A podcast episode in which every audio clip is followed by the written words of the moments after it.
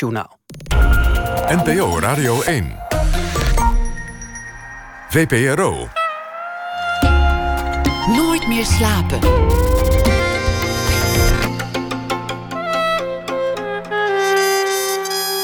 Met Pieter van der Wielen. Goedenacht en welkom bij Nooit meer slapen. Een bezoek aan het Nederlands dagboekarchief na één uur. Dan komt ook de Deventer liedzanger Rob Dike langs. Hij heeft een nieuw album uit met als titel Alles gaat voorbij. Daniel D. is dichter en schrijver en Rotterdammer. En hij maakt deze week elke nacht een verhaal voor ons. En dat zal hij voordragen na één uur. Een beschouwing bij de voorbije dag. Te beginnen met M.E. de Jong. Behind the Telescopes is de titel van een animatiefilm van ongeveer een uur die ze gemaakt heeft samen met harpiste Lavinia Meijer. Een uh, jonge wetenschapper, vol talent, wordt de ruimte ingestuurd voor onderzoek. Maar gaandeweg wordt haar terugkeer onzeker en wordt ze een vluchteling. Komend weekende gaat de film in Leiden in première op het Internationaal Filmfestival. En mee zelf komt er ook even in voor. In 1988 geboren, ze is tekenaar, kunstenaar en animator. Ze tekent al vanaf haar zesde, al vanaf haar tienerjaren heeft ze een eigen strip in de krant. En al op haar zestiende maakt ze haar eerste stripalbum. Inmiddels heeft ze elke hoek van het genre strip verkend. Van hele artistieke dingen tot gewoon een dagelijkse strip. Snippers in de metro, vaak autobiografisch. Ze studeerde af met een uh, animatiefilm, One Pass Two. Een tragische en heel symbolische animatiefilm. En ze heeft uh, ook nog een graphic novel gemaakt. De terugkeer van de wespendief. En dat is uh, misschien wel waar ze het meest trots op is. En Mede Jong, hartelijk welkom. Ja, dankjewel. Leuk, leuk dat je er bent. Ja, dankjewel. Volgens mij heb je altijd getekend, al, al op je zesde, las ik ergens, maar misschien ja. wel eerder. Nou ja, ik heb niet echt herinnering van voor mijn zesde. Dus ik zou dan zeggen, ja, ja ik heb altijd getekend. Um, ik weet nog wel dat echt op de kleuterschool uh, als kind, als wij naar de tandarts gingen of naar de kapper, dan zat ik altijd met mijn schetsboekje of met potloden in de wachtkamer te tekenen. Gewoon om de tijd te doden. En dat, dat vond ik leuk. Uh, niet omdat het door mijn ouders echt werd gepusht of zo, maar gewoon uit mezelf. Ja. Wat als het er nooit meer uh, zou zijn als je, zeg maar, omdat de ZZP'ers zouden worden bestreden, hm. geen albums meer zou mogen maken? Het zou verboden zijn. En, en je zou toch een pen en een, en, een, en een papier in je hand krijgen. Maar je mag niet tekenen. Wat zou je dan missen? Wat betekent het voor jou om te tekenen? Ja, het, het tekenen is. Um, het is een deel van mezelf eigenlijk. Dus het, uh, het is een soort verlengstuk geworden. Dus heel veel dingen die ik uh, die ik denk, die ik vind, uh, die ik meemaak, die verwerk ik in die stripjes. Uh, soms in de metro, dus in, in die korte strip snippers. En dat zijn humoristische situaties die ik soms wel, soms niet heb meegemaakt. Um, maar ook in bijvoorbeeld de Wespendief, de terugkeer van de Wespendief, wat een serieuzere uh, graphic novel is. Uh, ik bedoel, dat is een fictieverhaal, maar uiteindelijk zullen daar ook wel dingetjes van mezelf in zitten. En uh, ik denk als ik niet meer kan tekenen, dat ik een andere manier moet gaan verzinnen om dat soort dingen te uiten of, of te verwerken of zo. Ja, misschien, misschien ga ik dan schrijven of, of zoiets. Maar het is voor jou maar, de manier van expressie en, en, en het is ook echt iets persoonlijks. Het is niet zomaar ja, ja. werk. Nee, het is wel, het is veel meer dan dat hoor. Uh, want bij werk denk ik al heel snel aan iets waar je dan voor betaald wordt. Uh, maar ook als ik er niet voor betaald word, dan teken ik nog. Uh, het liefst van s ochtends tot s avonds laat. Dus het is, uh, het is absoluut geen werk. Het is meer dan dat. Ja. Als tiener um, ging je ineens heel veel tekenen. Ja, klopt. Ja. Hoe kwam dat? Ja, dat, dat was op de middelbare school vooral. En ik heb uh, schetsboeken vol nog bij mijn moeder liggen met, uh, met tekeningetjes. En het is denk ik een combinatie geweest van dingen. Um, ik bedoel, natuurlijk ben je als puber ben je heel erg aan het veranderen. En als je dan kan tekenen, is dat een hele fijne manier om dat allemaal een beetje te verwerken. Um, dus ik, ik tekende heel, echt heel veel. En ik ging toen ook heel erg vooruit. Dat, dat zie ik gewoon, als ik dat terugzie. Echt in een paar jaar ging ik zo realistisch tekenen opeens. Um, ja, en, en ik denk ook dat het kwam omdat wij heel veel tv keken en games speelden. En uh, bijvoorbeeld animatiefilms keken in die periode. En uh, ik las heel veel strips uh, ook toen. En dat beïnvloedt je ook. ik was ontzettend fan van Robberdoes en Quarbenoot bijvoorbeeld. Lucky Luke, Asterix, las ik allemaal. Ehm, ik keek heel veel animatiefilms van Disney. maar ook Japanse animatiefilms. Dat begon toen een beetje. en, en zeg maar, die populaire uh, dingen, die, die ga je dan, als je al tekent, ga je ook natekenen. Uh, en zo is het eigenlijk een beetje begonnen in die periode. Ja. En toen bleek ook al snel dat, dat je daar goed in was. Jij, was op, op school degene mm. waar ze een beetje tegen opkeken, ja, omdat ja. je kon tekenen. Ja, en dat was, uh, dat was wel heel leuk. Ik vond het leuk om complimentjes daarover te krijgen. Want dan, dan kreeg ik ook het gevoel dat ik echt uh, een talent had of echt iets kon. En dan ging ik het nog meer doen. dus het, uh, dat, dat hielp heel erg. Um, en ik, dat was uiteindelijk, dan ga ik een paar jaar verder... ook iets wat me heel erg nekte op de kunstacademie. Omdat ik altijd op de basisschool en de middelbare school... was ik altijd de beste in het tekenen. Beste van de klas. Hè nou ja, dan kom je op je 18 op de kunstacademie... en dan kan opeens iedereen goed tekenen in je klas. En sommigen zelfs een beetje beter. En uh, dan voel je echt alsof je helemaal niks waard bent. dat je helemaal opnieuw moet beginnen. Want ineens ben je, uh, ben je niet meer de grote vis in de kleine vijver. Ja. Maar ja, dus dat was een beetje de, de keerzijde ervan. Uh, want natuurlijk, uiteindelijk is dat heel goed dat je even met je neus op de feiten wordt gedrukt. Maar uh, dat was wel even een wereld van verschil, ja. ja. Werd je daar al meteen opgeleid tot, tot animator en, en striptekenaar? Of was het ook nog wel bedoeld om, om gewoon kunst te maken in een veel bredere zin? Um, nee, het was wel heel gericht. Dus ik, ik heb de kunstacademie in Rotterdam uh, gedaan. En de studie was animatiefilm. Dus het was heel specifiek uh, bedoeld om animatiefilms te maken. Um, en de reden dat ik eigenlijk voor die opleiding koos... was dat er geen opleiding voor striptekenaar was in die tijd. Nu wel, gelukkig. Maar uh, ik, ik had het gevoel dat als ik iedere andere studie had gedaan... Uh, zoals illustratie of grafisch vormgeven of zo... Dat, ja, dat had niet echt direct te maken met mijn stripwerk. Uh, maar animatie is eigenlijk is een soort broertje van de strip. Dus je bent nog steeds bezig met verhalen vertellen. Dat is heel belangrijk voor mij. Je bent bezig met karakters ontwerpen en ontwikkelen. Je bent bezig met scenario, storyboarding. Dus eigenlijk zit het heel dicht bij de strip. En daarom vond ik het ook leuk om, om te doen. En daar, daarom ben ik daar terechtgekomen. Als ik kijk naar, naar jouw boek, Terugkeer van de Wespendief... dan denk ik bij, bij sommige platen... Die, die heeft een enorm klassieke tekenopleiding. Die heeft, die heeft echt kennis genomen van, van, van de hele goede tekenaars uit de geschiedenis. Van, van Rembrandt en uh, noem ze maar op. Nou, dat weet ik niet hoor. Nee? Nee, kijk, onbewust pik je dat natuurlijk wel op. Um, en kijk, mijn vader was ook uh, kunstenaar. En die heeft ons als kind altijd naar alle musea uh, meegenomen. Als wij op vakantie gingen naar Frankrijk of Italië... dan gingen we altijd een museum in. En misschien als kind vond ik dat niet altijd leuk. Vond ik het heel saai. Maar later denk je wel van, nou, dat, dat moet invloed hebben gehad. En dat heeft onbewust gewoon heel veel geholpen. Um, maar ik heb bijvoorbeeld Rembrandt of Da Vinci heb ik niet bestudeerd of zo. Ik denk dat er een heel groot deel onbewust ook gebeurt. Um, maar uh, als je kijkt naar bijvoorbeeld goede striptekenaars, daar heb ik wel. Uh, ja, wel heel duidelijk naar gekeken. Dus mijn, mijn grote held Frank Kerr of de Japanse Katsuhiro Otomo dat zijn twee van mijn helden waar ik echt dingen van heb nagetekend. En uh, dat is wel grappig, want uh, Rembrandt liet bijvoorbeeld zijn studenten ook zijn schilderijen naschilderen. Op detail, echt dat je het verschil niet zag. Um, en eh, dat is eigenlijk voor mij ook de beste leerschool geweest. Gewoon het identiek natekenen van ja, jouw favoriete tekenaars. Ik denk dat dat gewoon een soort plantje uh, wordt in je brein... Dat, waar je altijd nog naar terug kan grijpen. Het, de, je komt toch altijd bij de, dezelfde moeilijkheden volgens mij als, als tekenaar... in welk genre ook. Bijvoorbeeld, hoe, hoe leg je beweging in een plaatje? Hoe laat je veel gebeuren in een, mm -hmm. in een plaatje? Franken die kan een, een, kat met een gummetje laten spelen... en mm -hmm. het hele kantoor laten slopen. In één plaatje. Ja, ja.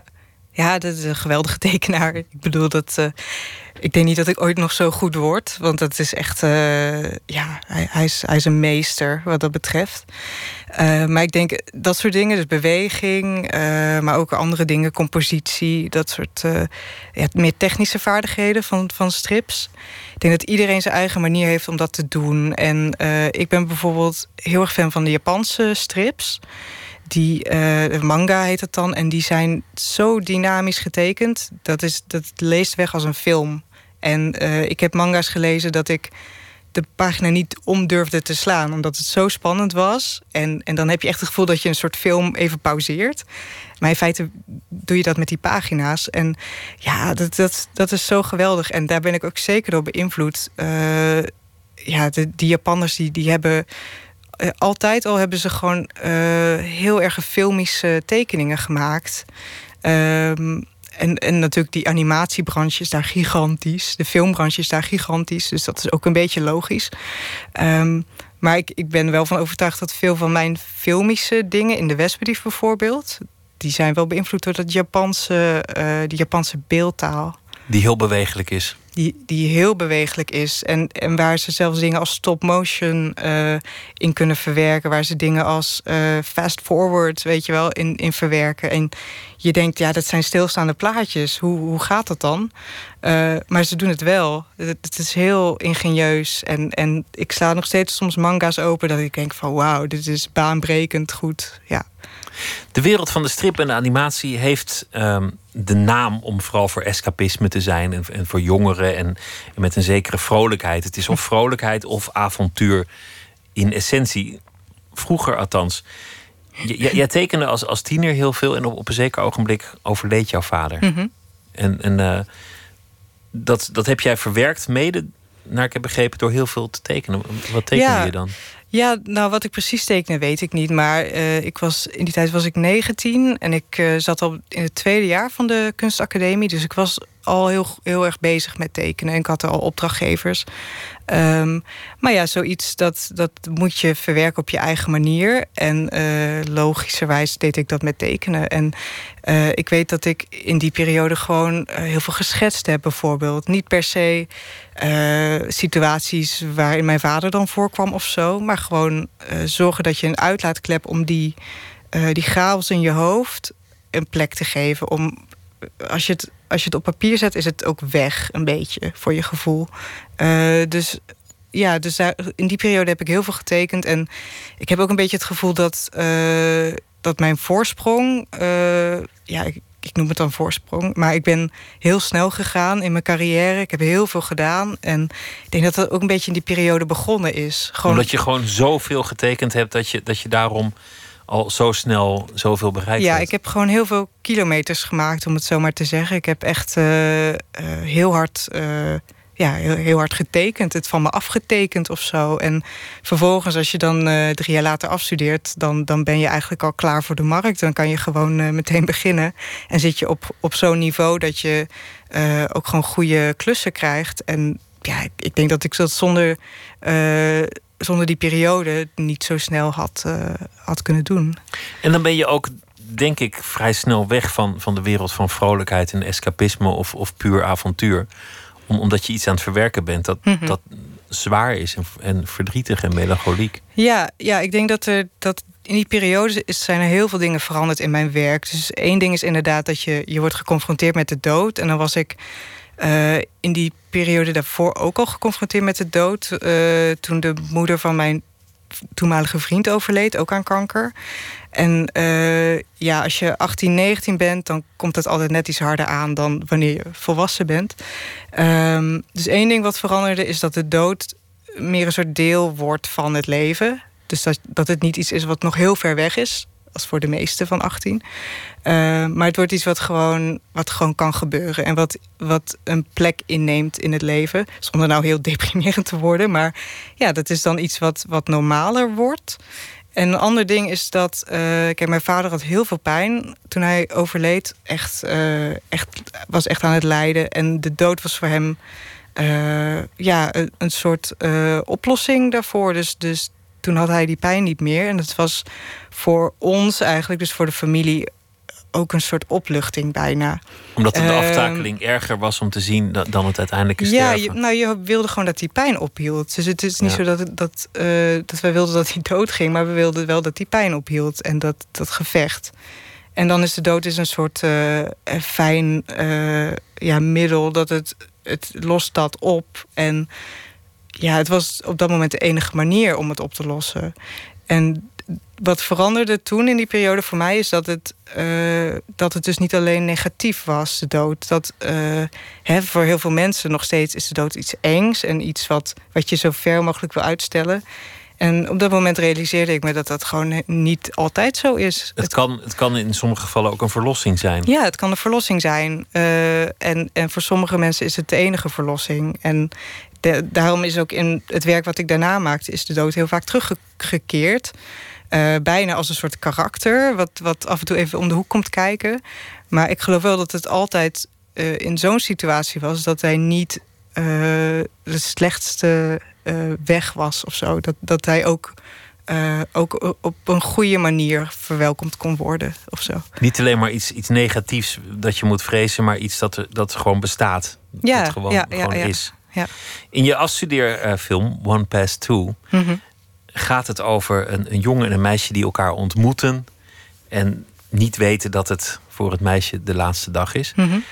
Die staat vol van, van, bol van symboliek. Ik heb, hem, ik heb hem drie keer gekeken Ja. om, om helemaal te doorgronden hoeveel kleine aanwijzingen van het Ja. noodlot je al in, in een toch vrij korte film hebt gegeven. ja. Het meisje heeft geen voetstappen. Nee, klopt.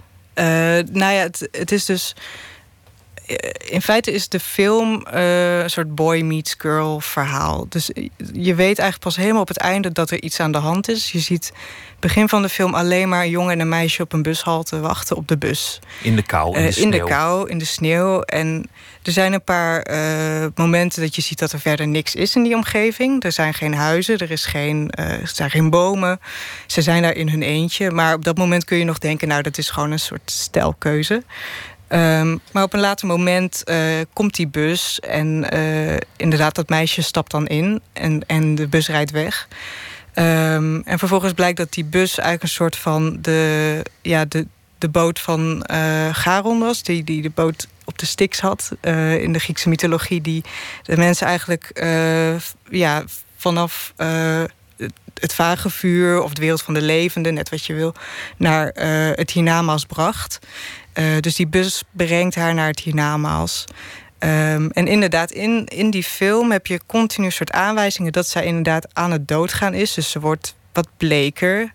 Dus als je het echt even er doorheen zou skippen door die hele film, zul je zien dat haar tint wat bleker wordt. Ze heeft Ze- geen voetstappen, inderdaad. Ze Eh, rilt van de kou. ze heeft het heel erg koud. Eh, ze denkt dat ze misschien ziek aan het worden is. Eh, ja, en het, maar het, het leuke aan die film vond ik dat dat eigenlijk pas helemaal op het eind wordt, ja, wordt getoond. En dat je tot dan toe gewoon het idee hebt dat je naar twee, twee tieners hebt gekeken die elkaar voor het eerst ontmoeten. Eh, en elkaar ook weer willen zien. Maar ja, dat gebeurt dus niet. Want er komt, er komt een soort aanslag en een. eh, Ja. En nou ja, allemaal Ja. heel dramatisch. We, we hoeven het niet helemaal weg te geven. Nee. Prachtige afstudeerfilm waar je ook, ook terecht heel veel lof voor hebt gekregen. En ook, ook internationaal. Dan ben je op een zeker ogenblik, eh, nou, 6, 27. en, eh, Mhm. niet zo heel lang geleden. En dan heb je eigenlijk al dingen gedaan die, die, waar de meeste mensen een halve eeuw voor nodig hebben in het vak. Je hebt een, een graphic novel gemaakt, je hebt eh, verschillende strips gemaakt, een dagelijkse strip, eh, dagelijkse strip gemaakt, ehm, animatiefilms gemaakt. Ja. En daar ben je dan 27 en je hebt alle hoeken van je vak gezien.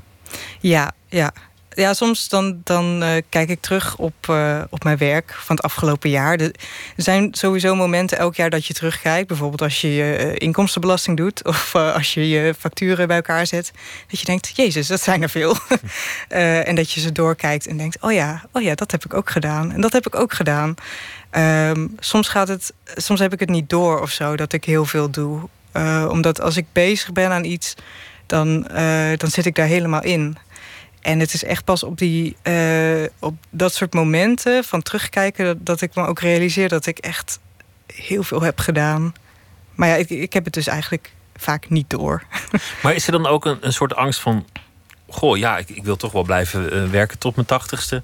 En, en ik heb alles al een keer gedaan. Of, of, of... Nou, dat komt ook goed hoor, denk ik. Ja, je, je vindt wel wat. Ja, nee, het is eh, in al die uh, facetten, uh, dus zowel animatiefilm als strip als illustratie. Er is nog zoveel te ontdekken en zoveel te doen. En ik zit nog helemaal vol met ideeën. Ik heb vaak halverwege een project dat ik al denk van... oh, ik wil hiermee stoppen en ik wil iets nieuws gaan doen. Um, ja, misschien ben ik een beetje snel verveeld. Dat kan ook. maar ik zit vooral heel erg vol met ideeën. En uh, nu ook. Er ligt gewoon heel veel op de, op de plank, om het zo maar te zeggen. Waar ik morgen mee zou kunnen beginnen. Maar eerst moet dat en dat af, weet je wel. Dus het, uh, Want je doet ook veel opdrachten. Ja, natuurlijk doe ik veel opdrachten. En dat, dat is een beetje een noodzakelijk kwaad. Want uh, in Nederland kan je niet heel veel geld verdienen met, met strips bijvoorbeeld.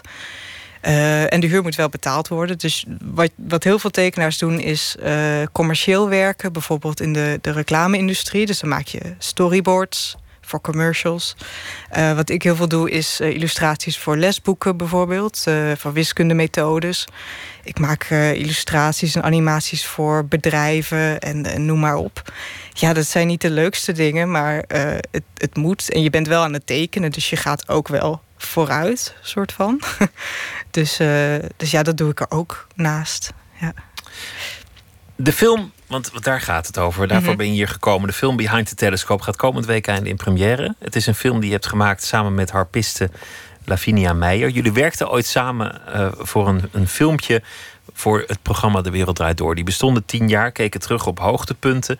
Een van de hoogtepunten was dat Mark-Marie Huibrechts in het programma ooit in 2009 volgens mij bekende dat hij al jaren een pruik droeg en ja. daar genoeg van had. En ja. ineens met een kaal hoofd aan tafel zat.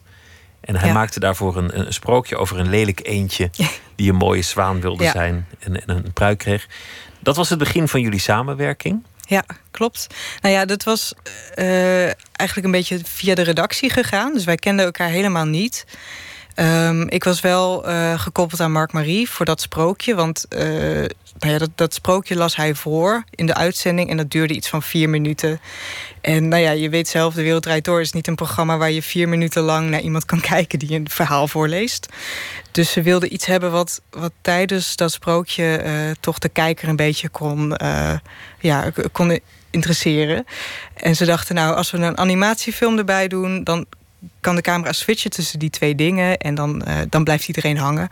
Um, dus ik mocht vier minuten animatie maken waarin ik dat verhaal uitbeelde. Um, maar Lavinia die was daar sowieso ook voor die uitzending, voor iets anders geloof ik. Um, en toen kreeg iemand het idee van waarom laten we haar dan niet de achtergrondmuziek spelen? Want dan heb je nog een soort extra body achter die stem van Mark Marie. Dan heb je echt een soort totaal uh, kunstwerk. En uh, dat, dat, was superleuk. was echt, ook echt een succes. Dat hele project was gewoon heel tof. Um, en na de uitzending kwam Lavinia al meteen naar mij toe. We hadden een soort borrel met, uh, met iedereen uit die uitzending. En ze zei, ja, ik vond het zo gaaf wat, wat muziek en animatie uh, doet. laten we nog een keer afspreken. En, en dat was eigenlijk het begin. Ja. We gaan luisteren naar een fragment Lift Off van Behind the Telescope. Het gaat over iemand die de ruimte ingaat. En uh, dit is uh, de muziek van Lavinia Meijer.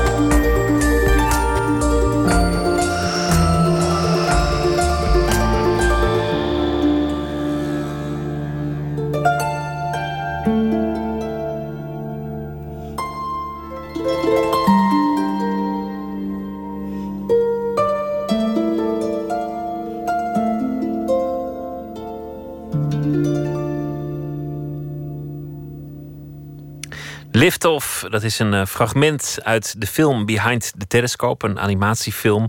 Muziek van Lavinia Meijer. Lichtjes gebaseerd op uh, de film Koyani Kwatsi. En de harp en de compositie zijn uh, door Lavinia Meijer gemaakt met sounddesign van Arthur Antoine. En Emme de Jong, die is hier te gast en die maakte de animatie in, in die film. Hoe zou je de film omschrijven? Wat, wat was voor jou het uitgangspunt? Poeh, het is um, ja, in één woord, het is een reis. Dus het is um, sowieso Lavinia uh, heeft het verhaal geschreven en het concept bedacht. En uh, ze heeft mij echt uh, benaderd als animator. Dus ik heb de, de beelden gemaakt. Um, verder heb ik me heel weinig bemoeid met het concept. Maar het gaat eigenlijk over het meisje Lira. Wat wat opgroeit eigenlijk in deze tijd en ziet dat het niet goed gaat met de wereld op verschillende manieren. Dus qua milieu gaat het natuurlijk niet goed. Heel veel vluchtelingen, uh, crisis, et cetera. En uh, dan, dan denkt ze dat ze misschien uh, een beter leven kan opbouwen op een andere planeet. Hè? Dat zie je nu ook wel. Heel veel mensen dromen al van de reis naar Mars. om te kijken van, kunnen we daar een kolonie starten? En uh, dat is eigenlijk ook de inspiratie een beetje geweest voor die film. Dus zij gaat naar Mars en probeert daar iets op te bouwen. Um, dus het, thema is voor mij heel erg die reis. En misschien ook een beetje vluchten. Uh, sowieso die vluchtelingen die in de film voorkomen. Uh, wat dan heel erg ook wordt gezien als iets engs, als een soort probleem. Want het, zij is een kind als ze dat meemaakt. En ze vindt dat allemaal maar niks. maar ja, in feite ja, de, zij gaat naar Mars. Uh, en dat is eigenlijk ook een soort vlucht. Een vlucht van de planeet Aarde. En uh, daarmee wordt ze ook een vluchteling. Dus het is, het, dat, die twee dingen zijn eigenlijk heel erg uh, aanwezig in de film. Vaak staat de muziek heel erg centraal. Het, mm -hmm. het is bijna alsof jullie een, een, duet aangaan. Soms is, is het echt helemaal het podium voor Lavinia. En soms neemt even de, de animatie het over. Ja. Jullie, jullie, jullie verwerven heel erg jullie werk met elkaar. Soms is het gewoon sfeer. Buitenaardse ja. planeten is het bijna een videoclip. Ja. Andere stuk is het gewoon een animatiefilm met mooie ja. muziek eronder. Ja, het, we hebben daar heel erg naar gekeken hoor. Want eh, we wilden absoluut vermijden dat het een, uh, een animatiefilm werd van, van een uur. Waarbij Lavinia een soort van de soundtrack speelde. Want uh, ja, dan krijg je dat, ieder, dat het hele publiek gaat kijken naar die film. En dan af en toe denkt: oh ja, er zit nog iemand de harp te spelen. En dat, dat wil je absoluut niet. Dus we hebben echt met opzet gekozen voor die mix. Uh, af en toe is inderdaad heel veel aan de hand in de film. Uh, en, en in de muziek wat minder. Maar ook andersom. Dus er, er zijn momenten dat er in de film eigenlijk heel weinig beweegt. Dat je alleen een soort sterrenhemel ziet. Of dat je haar in slow motion uh, ziet bewegen. En dat zijn de momenten dat Lavinia juist kan stralen en, en haar ding doet. En waarbij het publiek dan weer hun aandacht naar haar kunnen omzetten. En die, ja, die balans, daar hebben we echt op zitten focussen. En volgens mij is dat heel goed gelukt ook. De terugreis wordt, wordt steeds onzekerder. Mm -hmm. En dat, dat, hoort natuurlijk ook bij vluchten. Je denkt eerst, nou, ik ga daar eens kijken. En het is een avontuur en alles is leuk en mooi. Mm -hmm. Waar kom ik nou weer terecht? En dan op een gegeven moment wordt het wrang... omdat de, de schepen achter je verbranden. Ja, ja. En, en daarbij lijkt het ook toch echt een commentaar op die, op die vluchtelingencrisis. Ja, het is. Uh, Lavinia heeft mij ook uitgelegd dat het haar heel erg heeft aangedaan, die hele vluchtelingencrisis. En ze heeft al verschillende andere programma's ook rondom dat thema gemaakt. Uh, en, maar het blijft voor haar echt een bron van inspiratie. En uh, weet je, het is, het is niet per se een soort maatschappijkritische film of zo. Echt absoluut niet. Uh, maar het wordt wel uh, aan de kaak gesteld. Het is wel een onderdeel. Het wordt niet geschuwd of zo. Um, en dat, dat vind ik er ook zo goed aan. Um, en dat, dat vluchten, ja, weet je, dat is inderdaad, het lijkt altijd zo'n zo mooie uitweg. Misschien soms ook niet, soms moet het gewoon. Um, maar ja, wat, wat denk ik de de belangrijke boodschap in deze film ook is, is dat vluchten niet altijd de oplossing is, maar dat je ook kan proberen om de plek waar je al bent te veranderen of actief te veranderen met z'n allen, uh, zodat je niet meer hoeft te vluchten. En dat is natuurlijk veel makkelijker gezegd dan gedaan, maar dat, het is gewoon een, een animatiefilm, het is een soort droom, het is uh, misschien een, een soort stapje in die richting. Um, en ik denk dat we dat wel hebben geprobeerd uh, te communiceren. Van, kijk eerst naar, naar je eigen wereld, waar je nu bent. Voor je naar Mars vlucht. Voordat of, je weggaat. Ja, voordat je ja, weggaat, in, in, welke zin dan ook. Dit Reborn was een, een, een boek. Dit is echt, echt strip. Gewoon ook, ook, ook leuk voor kinderen. Mhm. met, met tamelijk zware thema's. Iets Mhm. wat nu ook weer heel actueel is in Nederland vanwege een tv-serie, namelijk het klonen. Ja, ja. En, en hier gaat het erom: de eerste gekloonde mens Ja. is, is een meisje die er op een dag achter komt, omdat haar ouders het er toch een keer moeten vertellen. Ja, ja, ja. Jij bent dat. Ja, dat is een, eh, een eh, strip geweest eh, voor het eh, stripblad Eppo. En Eppo, dat, dat is. Ja, weet je, dat is iets wat, wat mijn ouders al lazen. Dat, is, eh, dat gaat heel ver terug. En het is een paar jaar geleden is het een soort nieuw leven ingeblazen. En eh, ja, dat is gewoon echt een stripblad. Er staan alleen maar strips in.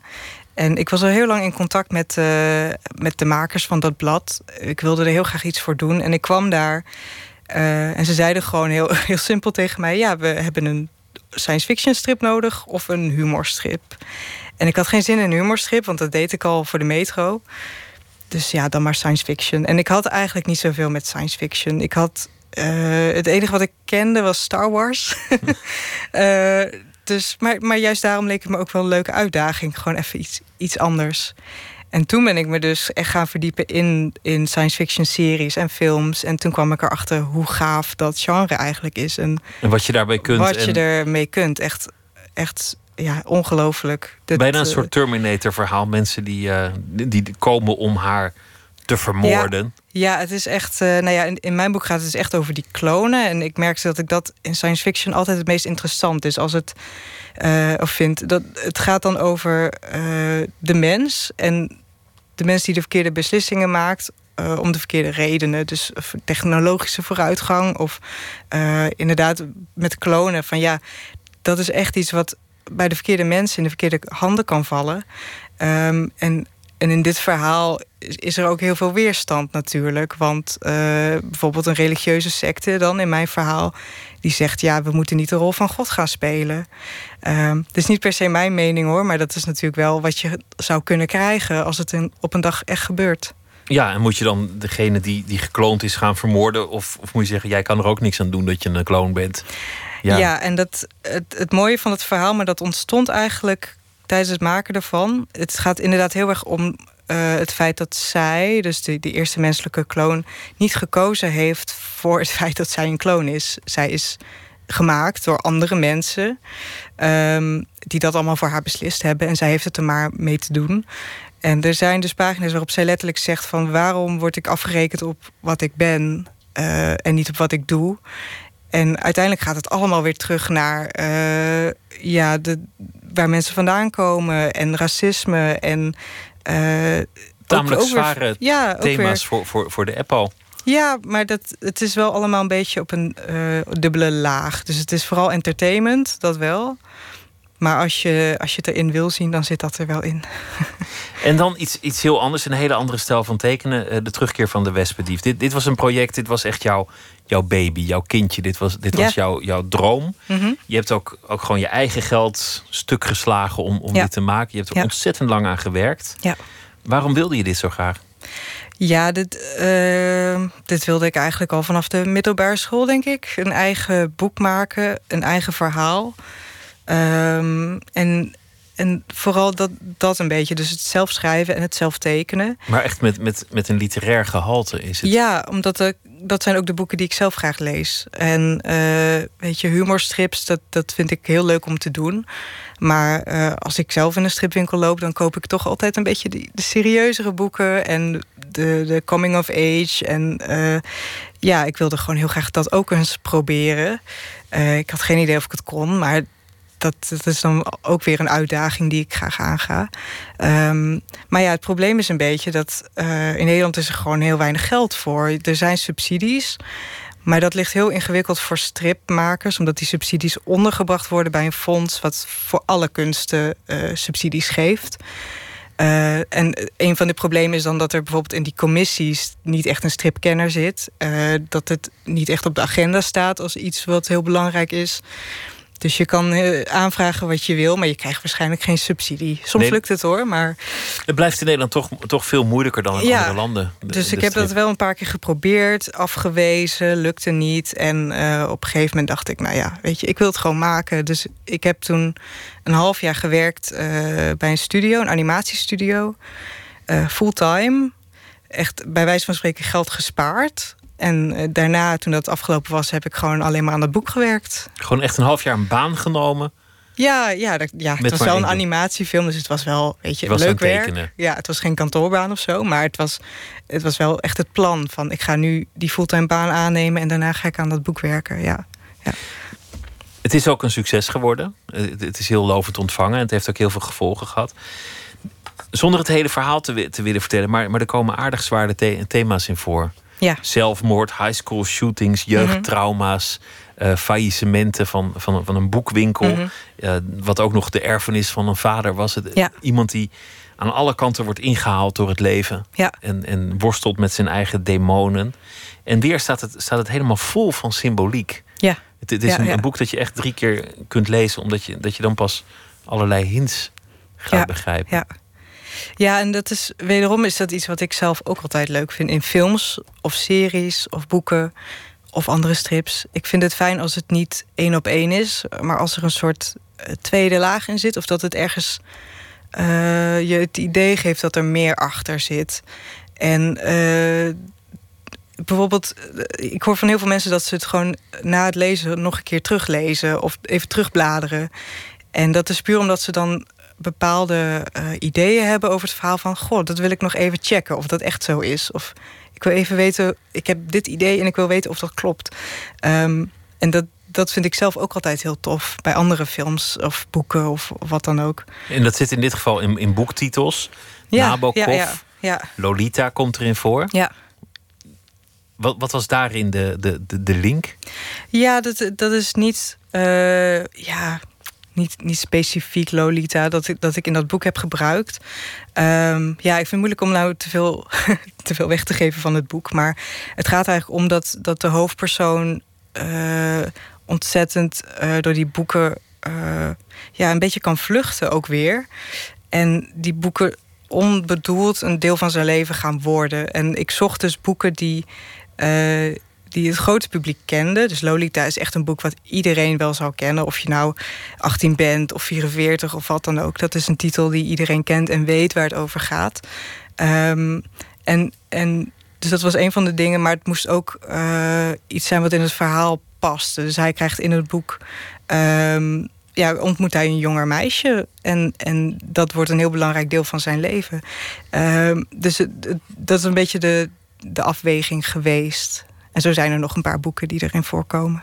In je, in je strip in de metro, wat, wat gewoon veel komischer is, Mhm. doe je vaak dingen uit je eigen leven. Ja. Dan, dan, dan zijn het gewoon eh, ja, stunteligheden uit je eigen bestaan die, die meteen een, een verhaaltje worden. Of, of als jij naar de tandarts moet, dan is de kans groot dat, eh, dat je personage dat ook moet. Ja, ja, ja, ja.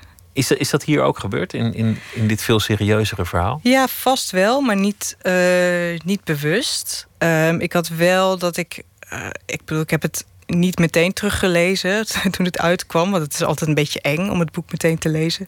Maar na een tijdje heb ik het gelezen. En toen, eh, toen bedacht ik me wel dat ik heel erg lijk op de hoofdpersoon. Toch wel. Dat is allemaal niet bedoeld op die manier.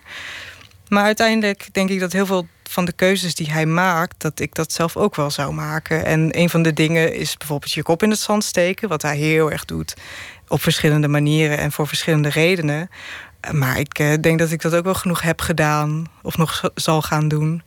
En dat, weet je, het is ook uiteindelijk logisch, omdat ik dat boek heb geschreven en de enige eh, inspiratie of, of ja, wat dan ook, wat, waar vanuit je dat boek kan maken, komt dan toch uit mezelf. En eh, veel van de keuzes die mijn personages in al mijn werk zullen maken, zullen ook de keuzes zijn die ik zou maken. Dat is geestig dat het voor, voor de grote striptekenaars achteraf bezien allemaal wel gold. Dat Ja, zelfs maar- Franquin met, met, met Gust al die worstelingen die hij dan heel grappig maakt. Een, een aanstaand faillissement, Mhm. geldzorgen, werkdruk. Ja. Achterstallige post, dat het allemaal gewoon in strip terecht kwam. Ja, en dat, dan kom je toch weer ook terug op waar we het in het begin over hadden. Dat je toch uh, een uitlaatklep hebt voor je eigen leven en de dingen die je meemaakt. En dat je dat uh, kwijt kan in je strips. En misschien is het allemaal onbewust. Maar bij Frankijn weet ik het niet hoor. Misschien dat hij dat ook als een soort um, ja, bewuste keuze deed. Om de, de, buitenwereld te laten zien hoe het er nou echt aan toe ging op die redactie. Dat weet ik niet. Of om er lol van te maken, om er om te lachen. Ja, dat zou kunnen, ja. We gaan luisteren naar uh, Lady Ray. Ze zong ooit in de kerk. Ze werd ontdekt door Missy Elliott. En uh, ze is nu 37 jaar en haar album heet Queen Alone. En we gaan luisteren naar een nummer met als titel Make Me Over.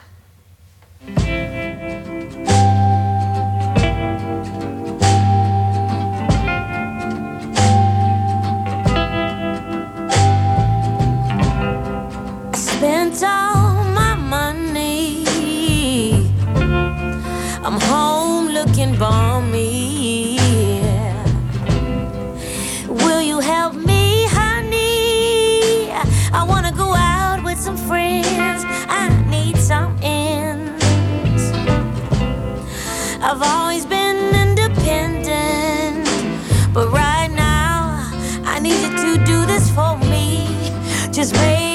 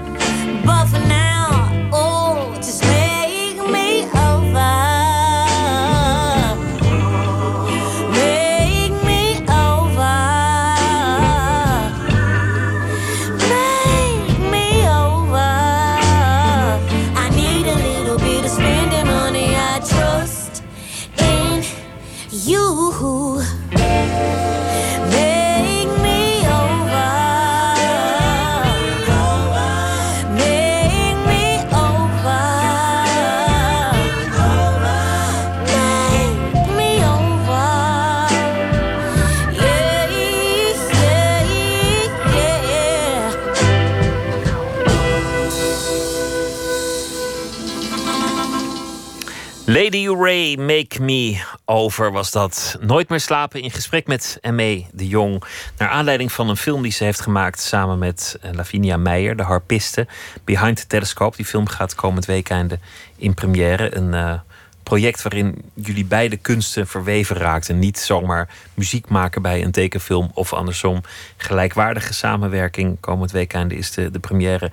We begonnen ermee dat je eigenlijk altijd getekend hebt. En dat je dat al heel jong deed. En dat je als tiener bevangen raakte door de strip. En toen ook eh, echt je helden ging natekenen. Ja. En, en dat, je, dat je heel veel hebt getekend. En daardoor misschien wel een voorsprong hebt. Zeker na de dood van je vader werd tekenen ook een uitlaatklep. Misschien ook daarom zei je dat, dat mijn strips niet alleen maar over vrolijkheid gaan, omdat de dood niet alleen maar een angst is, maar gewoon iets dat erbij hoort, zoals andere thema's Ja. er ook bij horen. En eh, ja, wat te doen. Je, je bent niet bang dat je, dat je nu uitdroogt omdat je alle hoeken al gezien hebt van het vak. We hebben het gehad over een aantal strips die je, die je hebt gemaakt en, eh, en een beetje over je, je manier van, van werken. En terloops zei je ook een paar dingen over hoe het, hoe het gaat in de stripwereld in Nederland. Want dat Ja. blijft toch vaak een beetje schrapen. Ja, En het blijft ja. Toch, eh, toch moeilijk. Het, het, het wil hier niet echt van de grond komen. Wel een artistiek opzicht, maar niet commercieel gezien en institutioneel. Je was eh, in Angoulême, de, Ja. de stripstad Ja. in, in Frankrijk. Ja. In, eh, in Zuidwest-Frankrijk. Daar is een reusachtig festival. Het grootste stripfestival ter wereld. Ja. En toch, eh, toch heb je een beetje je druk gemaakt en, en wat ophef veroorzaakt. Ja, nou, ik, niet eh, alleen ik hoor. nee, het probleem was dus, eh, dat was dit jaar, januari dit jaar. Ehm, er wordt altijd een grote prijs uitgereikt in Angoulême, de, de Grand Prix. En dat is voor de beste uh, stripmaker. Het is een soort oeuvreprijs. En de ophef ging er eigenlijk over dat er een lijst was bekendgemaakt, een soort shortlist van de namen, 30 namen. En er zat geen één vrouw bij. Um, en er waren vanuit het bestuur heel veel uh, mannen natuurlijk, die zeiden van ja, maar het is een oeuvreprijs. En we kijken echt naar uh, hoeveel boeken of strips iemand gemaakt heeft. En vrouwen zijn natu natuurlijk net begonnen, dus die hebben niet zoveel gemaakt. Nou, en ik werd echt woedend, want dat, dat is ten eerste is dat helemaal niet waar. En uh, ten tweede is het ook een verkeerd beeld wat je geeft aan de, aan de toekomstige generatie. Want iedereen weet dat je. Uh, als kind kijk je op naar rolmodellen. Hè? Dus of je, nou, of je nou astronaut bent of striptekenaar, maakt eigenlijk niet uit. Maar je moet iemand hebben waar je tegenop kijkt en denken: oh, dat wil ik ook. En als je dan 30 mannennamen hebt, dan weet ik zeker dat er heel veel uh, beginnende striptekenaars, uh, vrouwelijke striptekenaars zijn, die denken: oh, ik ga daar nooit komen. En dat is gewoon een compleet verkeerd signaal wat je afgeeft. Het is een associatie die aan strip kleeft, net zo goed als dat het ooit voor kinderen was, mm -hmm. is nu de associatie dat strip iets voor mannen is. Mm -hmm. Ja, en weet je, er zijn natuurlijk uh, redenen waarom mensen dat denken. En dat is omdat de grote, uh, de bekende stripreeksen, zoals Asterix en Lucky Luke en uh, noem maar op, dat is allemaal getekend door mannen. Um, en vrouwen waren vaak wel in die studio's aanwezig, maar bijvoorbeeld alleen om in te kleuren. Of misschien uh, het werk wat daarna kwam, dus het printen of het uh, noem maar op. Maar dat is inmiddels al heel veel jaren is dat niet zo. En er zijn in Frankrijk vooral, waar dat festival plaatsvindt, gewoon heel veel vrouwen al heel lang aan het werk in de stripwereld. Maar ook in Amerika en ook in Japan. Uh, er is vanaf de jaren tachtig in Japan een soort van explosie geweest van vrouwelijke striptekenaars. Waarbij er bijna meer vrouwen dan mannen. Misschien is het wel zo nog steeds, dat er meer vrouwen dan mannen werkzaam zijn in de stripwereld daar. En dat kun je gewoon niet negeren. Dus het was gewoon, voor mij was het heel echt zo met de oogkleppen op, uh, ja, zo'n zo prijs uitreiken. En nou ja, het heeft wel onder vrouwen, maar ook onder mannen heel veel uh, ophef veroorzaakt. Er waren een paar van die lijst van 30 die toen hebben gezegd: Ik wil niet meedoen, want ik vind het belachelijk. Ja, dat is natuurlijk top. dat is het beste signaal wat je kan geven. Stemmen met de voeten.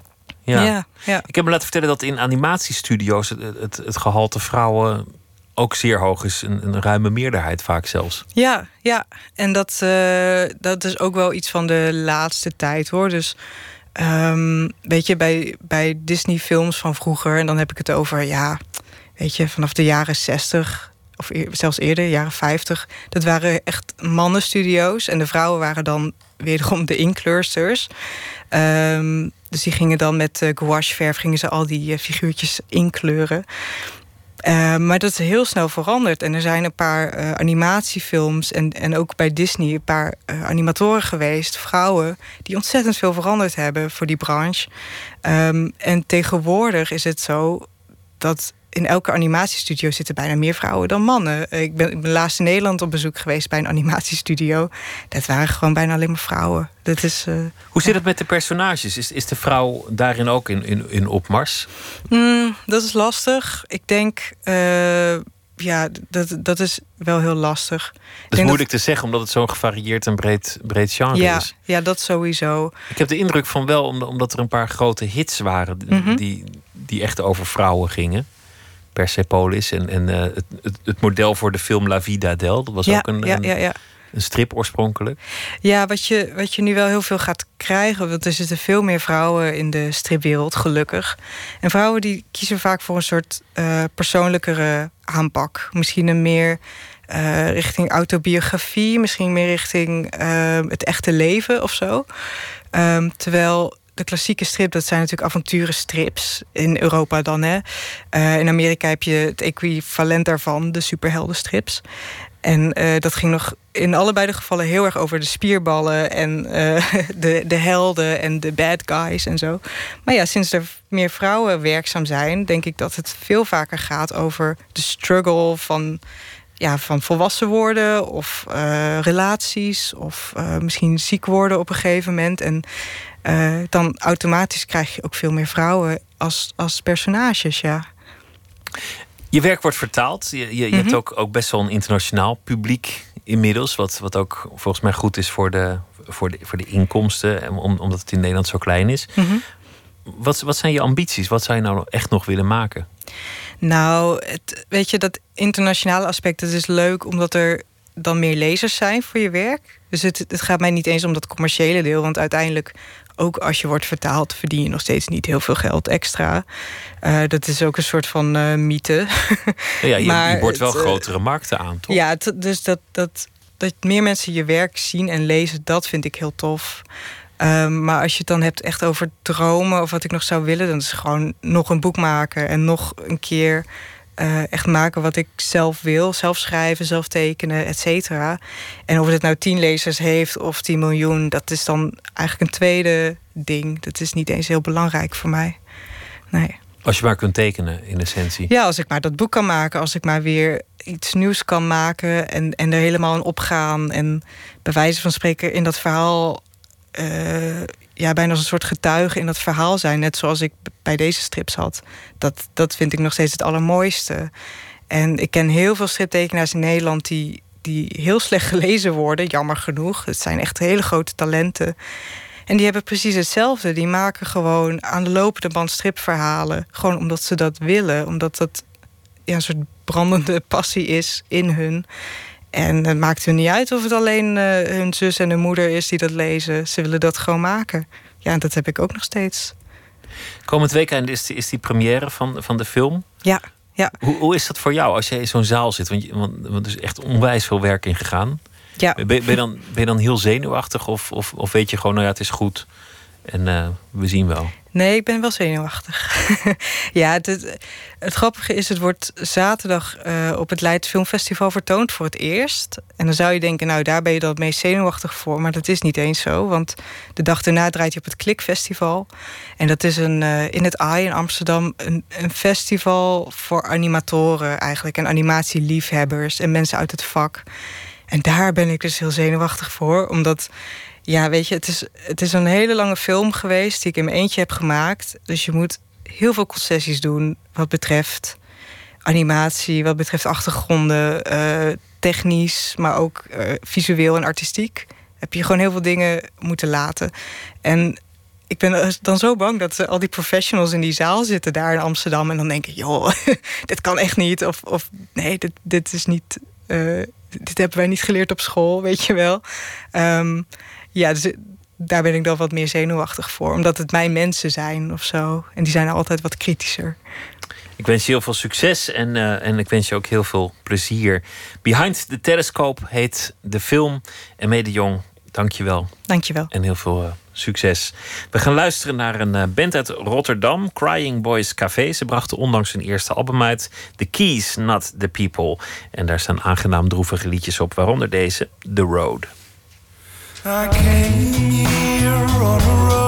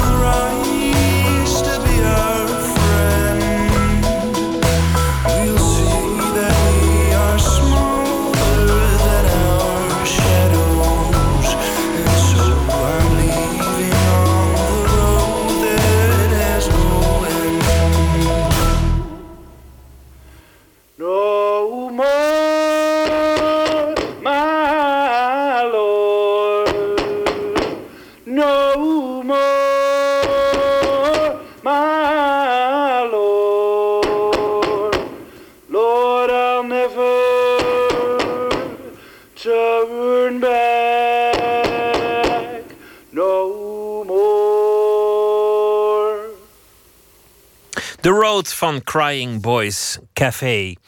Zometeen uh, gaan we verder met Nooit meer slapen. En dan krijgt u onder meer een uh, verhaal bij de dag van Daniel D. Dichter, bloemlezer, proza-schrijver en Rotterdammer. Hij was lange tijd in die stad stadsdichter. Verder gaan we praten met Rob Dike. Hij is liedjesmaker, zanger en hij komt uh, op bezoek om te praten over zijn eerste EP eh, e met als titel Alles gaat voorbij. U kunt ons uh, terugluisteren via de website vpro.nl slash nooit meer slapen en zich abonneren op de podcast via iTunes, Twitter, het VPRO NMS. En uh, we zitten ook op Facebook. Nooit meer slapen is de naam van het programma en Facebook weet u vast wel te vinden.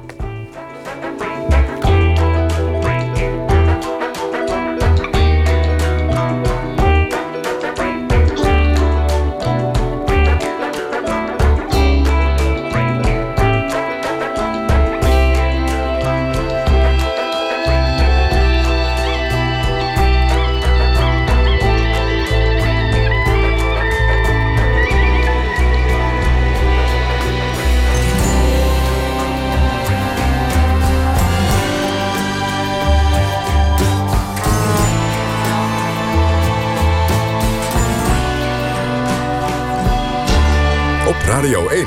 Het nieuws van alle kanten. 1 uur, Mark Hokker met het NOS-journaal. De politie in Tilburg is nog altijd op zoek naar een automobilist... die afgelopen avond twee mensen doodreed. De slachtoffers, een man en vrouw van 62 en 59 uit Rijen... werden bij een bushalte aangereden. Volgens ooggetuigen vlogen ze door de klap van de aanrijding door de lucht. Een van hen kwam op de achterruit van een geparkeerde auto terecht... De ander belandde op straat. Ooggetuigen informeerden de politie over de auto en gaven het kenteken door. Enige tijd later werd de wagen elders in Tilburg gevonden. Het voertuig was verlaten. In het vluchtelingenkamp De Jungle in Calais verblijven nog altijd meer dan 100 vluchtelingen. Volgens de Franse autoriteiten is het kamp volledig ontruimd... maar in en direct buiten het kamp zijn nog altijd migranten. Enkele van hen zijn pas vandaag aangekomen. Frankrijk begon maandag met de ontruiming van het kamp. Sindsdien zijn zo'n 6000 mensen geregistreerd... en naar opvangplekken in Frankrijk gebracht. Vorig jaar zijn veel meer mensen met een alcoholvergiftiging... op de eerste hulp binnengebracht dan het jaar ervoor. In 2015 waren dat er 6100, 800 meer dan in 2014. Een kwart van alle patiënten was jonger dan 18 jaar. In deze groep zijn het vaker meisjes... die met een alcoholvergiftiging op de eerste hulp belanden... De afgelopen tien jaar is het aantal behandelingen voor een alcoholvergiftiging met 73% gestegen. Ook het aantal behandelingen voor ongevallen waarbij alcohol in het spel was nam toe naar ruim 15.000 mensen in 2015. In de achtste finales van de KNVB-beker speelt Feyenoord thuis tegen ADO Den Haag. Ajax moet op bezoek bij Cambuur. Heerenveen, dat afgelopen avond met 2-1 won bij Eindhoven... speelt de volgende bekerwedstrijd uit bij IJsselmeervogels. Het weer, het is overwegend bewolkt, maar het blijft op de meeste plekken droog. Het is vannacht wel zacht met minima van 9 tot 12 graden. In de ochtend eerst nog veel bewolking... en in het noordoosten kans op wat lichte regen. Later klaart het op, schijnt de zon af en toe... en wordt het een graad of 15. Dit was het NOS Journaal. NPO Radio 1. VPRO. Nooit meer slapen.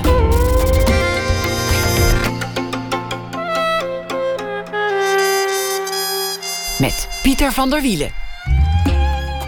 Wat te doen met een kist vol oude dagboeken die je hebt geërfd van een familielid of naaste?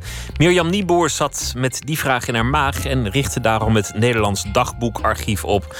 En dat is een succes. Zometeen een reportage daarover. Zanger en liedjesmaker Rob Dike komt op bezoek. Was ooit stratenmaker en vuilnisman. Maar altijd al was zijn droom om muzikant te worden. En dat is gelukt. Zijn eerste EP is verschenen met Nederlandstalige liedjes. Alles gaat voorbij is daarvan de titel. Daniel D. is dichter, bloemlezer, proza schrijver Rotterdammer... waar hij ook uh, stadsdichter was. En deze week zal hij elke nacht een verhaal maken bij De Voorbije Dag. Daniel, goeienacht. Goeienacht. Ja, nou, 27 eh, oktober 2016 komt nooit meer terug. Nee, gelukkig. Gelukkig maar, hè. Zo, zoveel Ja. soeps was het niet. Nee, nee, zeker niet. Hoe zul je deze dag eh, gedenken als je ooit aan deze dag terug zult denken? Eh, nou, ooit gebeuren, want ik weet niet of mijn geheugen zo sterk is, maar het is toch een beetje het ongeval van eh, wat we net hoorden in het journaal eh, in, Til- in Tilburg, waarbij twee mensen zijn overleden. Eh, dat is toch voor mij een beetje het tragische moment van de dag. Waarom? Ehm, nou ja, eerder vandaag, daar gaat mijn stukje ook over, las ik een bericht dat het OM meer verkeerspolitie wil eh, om huftig gedrag in het verkeer tegen te gaan. En zij hadden eh, daarbij eh, qua cijfermateriaal gezegd dat als er 5% meer politie is in het verkeer, dat er dan 20% minder ongevallen zijn. Dat is wel een heftig verschil, zeg maar. Dus, nou ja, goed. En, en ik had mijn stuk geschreven en toen gebeurde Tilburg eigenlijk. Dus toen, was je al met het thema bezig en toen kwam er een, een voorbeeld zomaar langs op het nieuws. Ik ben benieuwd naar je verhaal. Ga je gewoon. Een heer in het verkeer. Een gewone donderdag. Een mistige herfstochtend. Rond kwart over acht. Mijn dochter fietst naast me. We zijn op weg naar school. Voor vertrek las ik op nos.nl dat meer politie-inzet helpt tegen asociaal rijgedrag. We zijn al voorbij het gevaarlijkste punt van onze route. Een onoverzichtelijk kruispunt zonder verkeerslichten waar de tram diagonaal doorheen dendert en staan voor een verkeerslicht te wachten. Al maanden speel ik met het idee om tijdens deze route van nog geen 10 minuten eens te turven hoe vaak er geklaksoneerd wordt, hoeveel fietsers in tegengestelde richting op het fietspad rijden en, mijn persoonlijk grootste ergernis, hoeveel mensen op straat rochelen. Toch doe ik het nooit, omdat ik het kinderachtig vind. Als ik zou moeten gokken, dan denk ik dat ik makkelijk op een stuk of tien zou komen. In Duitsland is momenteel een goede manierencursus hip. Wat vooral interessant is voor ouders die zich niet langer willen schamen voor hun kinderen... dan dat het fatsoenlijke burgers oplevert. De politieke partij DENK heeft een antidiscriminatiecursus bedacht. Misschien is een cursus fatsoenlijk verkeersgedrag voor overtreders... naast meer politie wellicht een idee in het kader van repatriëring naar de straat. De lichten springen op groen en wij willen net gaan fietsen als er op dat moment een zwarte Mercedes door rood langs scheurt. In gedachten vloek ik alle duivels uit de hel. Alsof mijn dochter het aanvoelt, zegt ze... Mama was meteen geschelden. Die had dan godver gezegd. Het is maar goed dat de politie niet zag wat die auto deed. Ik ben vooral blij dat ik haar nu nog niet hoef uit te leggen... dat je in de stad met heel veel wegkomt... maar dat ik niet wil dat zij dat doet. Heel goed, een beetje opvoeding. Ja, volgens, volgens mij is het ook wel zo in het Nederlands verkeer dat iedereen de andere weggebruiker een hufter vindt. Die, Ja, die paar radicale gevallen daar gelaten, maar volgens mij vindt iedereen zichzelf een voorbeeld voor alle anderen.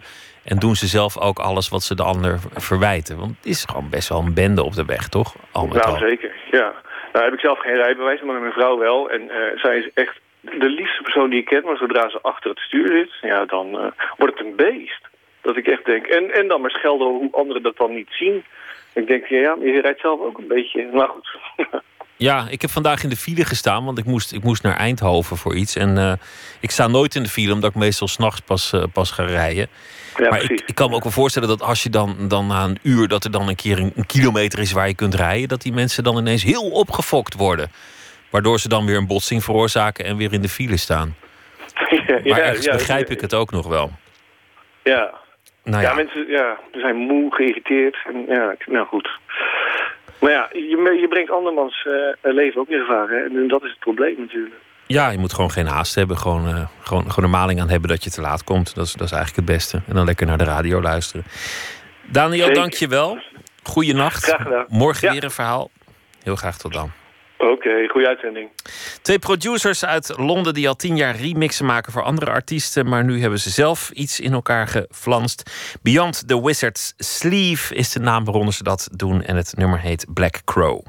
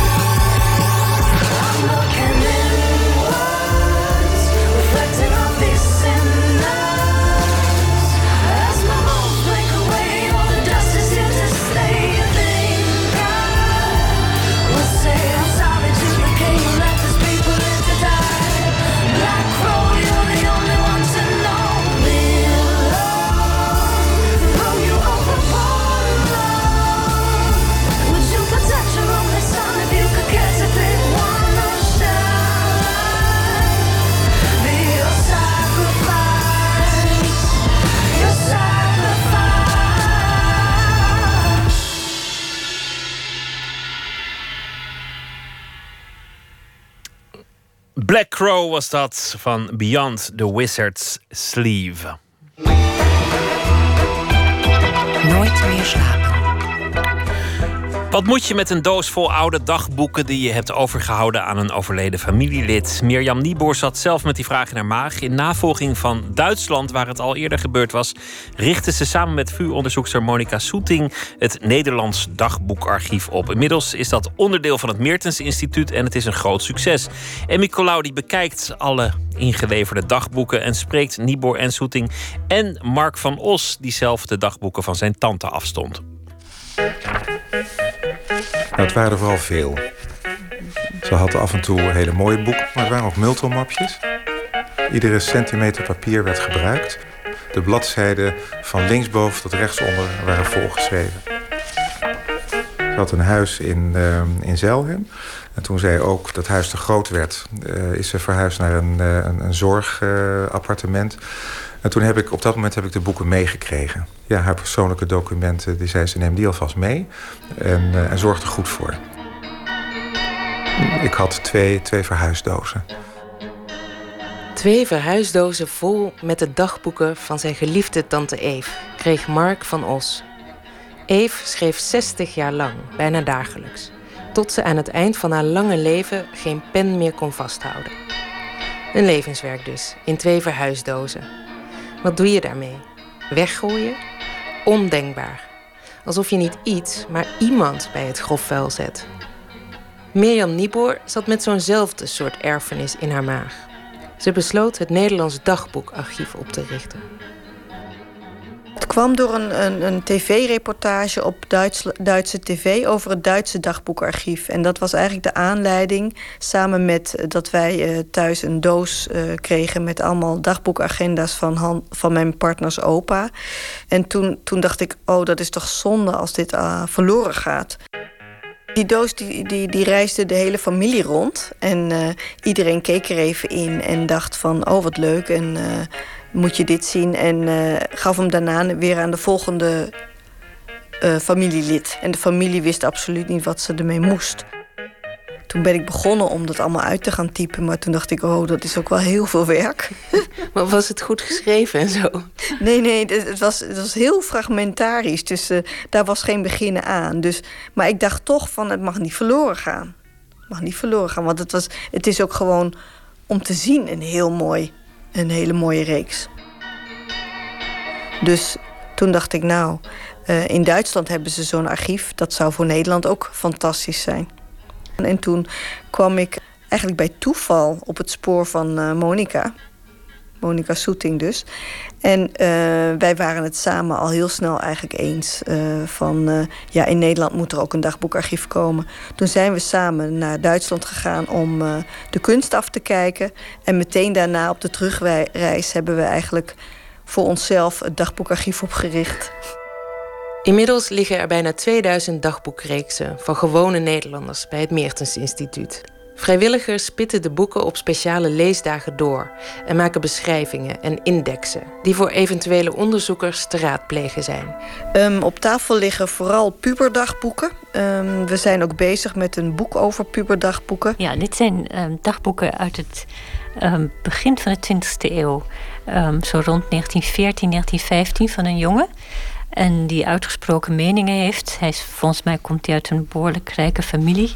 Over politiek schrijft hij, over de dood, over het koningshuis... dat volgens hem op zijn laatste benen loopt... omdat Juliana toch waarschijnlijk nooit een man zal krijgen. dat soort dingen.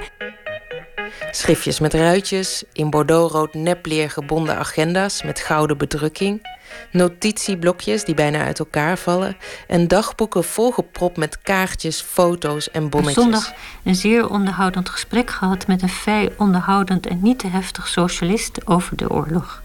Hij was echt partijman. Sommige keurig netjes beschreven, andere chaotisch, met veel doorhalingen en verbeteringen. Maar allemaal hebben ze iets ontroerends. Door de moeite die erin gestoken is. Gerda kwam vanavond nog naar me toe en vroeg of ik al een meisje had voor Hans' verjaardag. Gek eigenlijk. Vroeger zou ik het in mijn broek gedaan hebben van plezier. En nu heb ik het liever niet, want het is zo'n groentje. Geef mij maar voor een avondje een beetje hetere, bijvoorbeeld Riet. Ja, deze, deze uh, man, en toen hij deze dagboeken schreef, was hij dus nog een jongen. Um, die schrijft zo ontzettend onderhoudend. Um, dat um, het is gewoon echt een jongensboek wat je leest. En dat is natuurlijk heel erg leuk. Het is ook heel spannend, want hij, hij beschrijft als een romantische avonturen. Ik voel enige schroom ze te openen. Het zijn toch zomaar de zielenroorselen van mensen die ik helemaal niet ken. Monica Soeting heeft daar geen last van. Ik voel me absoluut niet um, als een voyeur als ik dit dagboek lees. Dat doe ik nooit, maar um, hier al helemaal niet. Ja, hij wil iets vasthouden. En, en voor wie wil je iets vasthouden? Voor, voor, voor een, een toekomstige lezer. Je ziet ook wel vaak in dagboeken dat pagina's aan elkaar zijn geplakt. Ja. En dan weet je eigenlijk bijna wel zeker dat diegene zichzelf achteraf wat ja. uh, eerlijk vond. Ja. Of eruit uh, hè? Soms wordt het eruit gescheurd ook. Als er pagina's uh, uit zijn gehaald of uh, aan elkaar geplakt, dan uh, gaan, wij ze, gaan, gaan wij dat ook niet lospeuteren hoor. Maar, nee? Nee, nee, nee. Mm, nee, want wij hebben ontzettend veel respect voor de dagboekschrijvers. Ze hebben die dagboeken niet voor ons geschreven en dat realiseren we ons heel goed. Dus we hebben ontzettend veel respect voor de dagboekschrijvers en voor de privacy, die we dan ook heel goed hanteren. En um, ja, dat staat echt voorop, ook bij de lezers. Die moeten echt een contract tekenen van uh, we houden wat we lezen voor onszelf. Dat komt absoluut niet naar buiten, niet eens naar onze partner.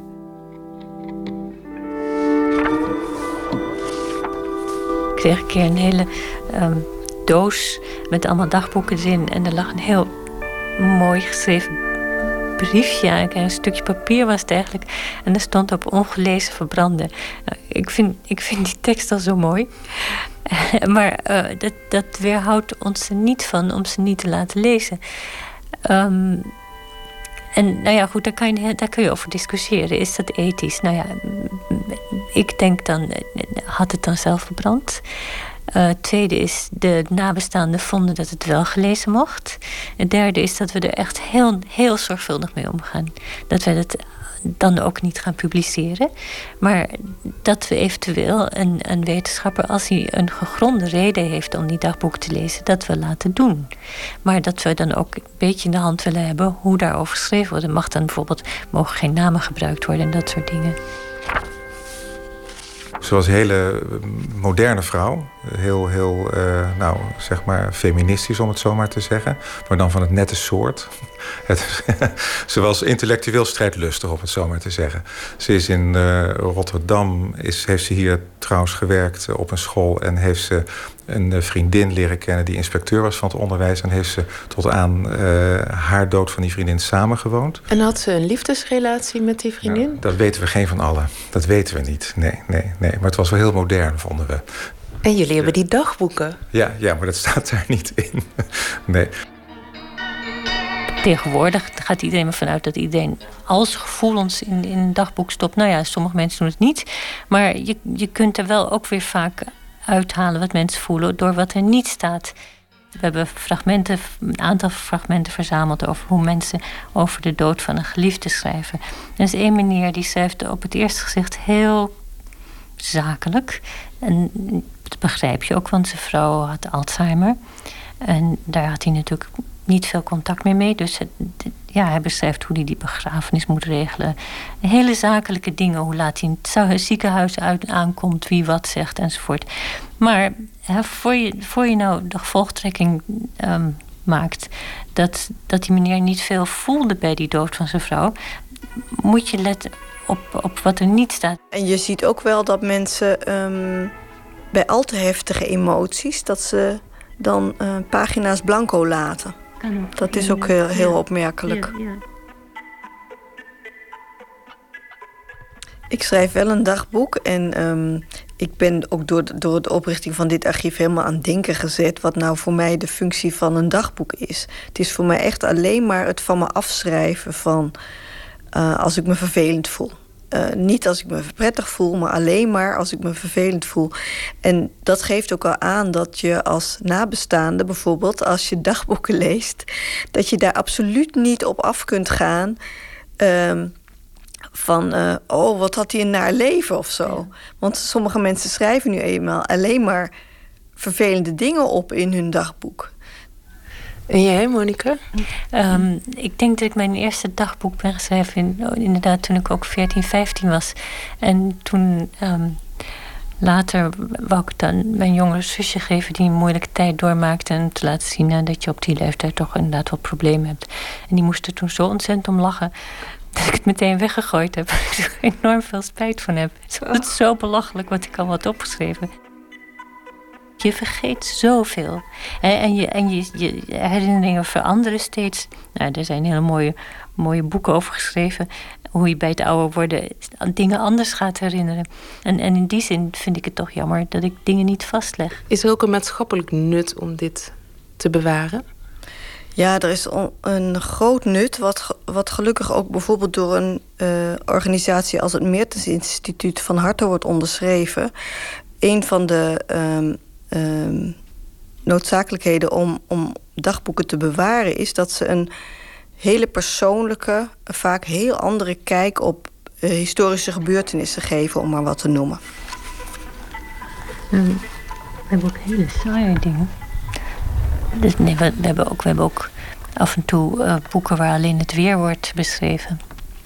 En daar heb je natuurlijk als lezer niet zo heel veel van. Maar het fenomeen is interessant. Want waarom doet iemand dat? Waarschijnlijk ook om, om grip op de gebeurtenissen te houden.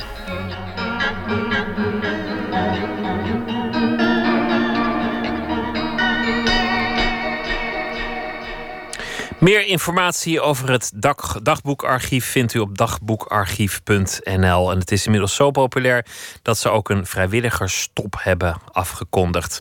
Het inleveren van boeken kan natuurlijk uh, nog steeds op de speciale inleverdagen. En Nicolaou hoorde u in gesprek met Mirjam Nieboer, Monica Soeting en Mark van Os. Open kaart. Zometeen hier te gast uit Deventer, zanger en liedjesmaker Rob Diké. Hij uh, is uh, te gast in de rubriek Open Kaart. We gaan eerst luisteren naar een nummer van zijn nieuwe EP. Het titelnummer ook meteen. Alles gaat voorbij.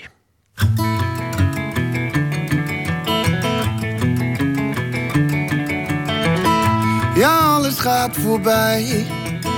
Maar die moet zich nog gaan vertellen. Je kijkt er wel naar mij en ik naar jou. Maar wat zien wij dan in de verte? En je neemt me mee op reis. Een centimeter op zijn tijd. Bestemming onbekend. Zeg maar niets, ik weet niet of ik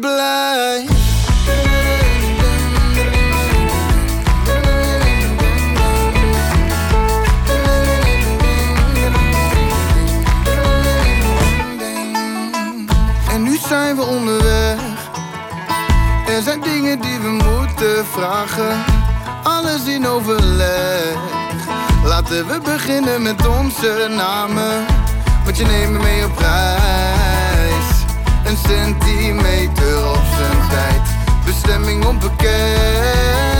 Zeg maar niets, ik weet niet of ik blijf.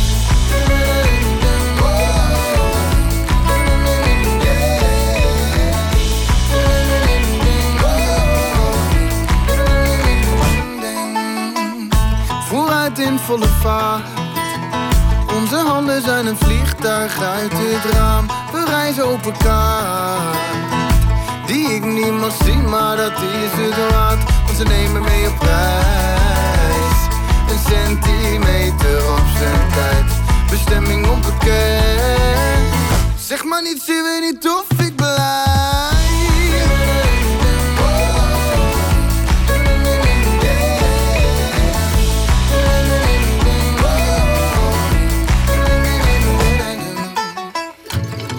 Als de rust er is.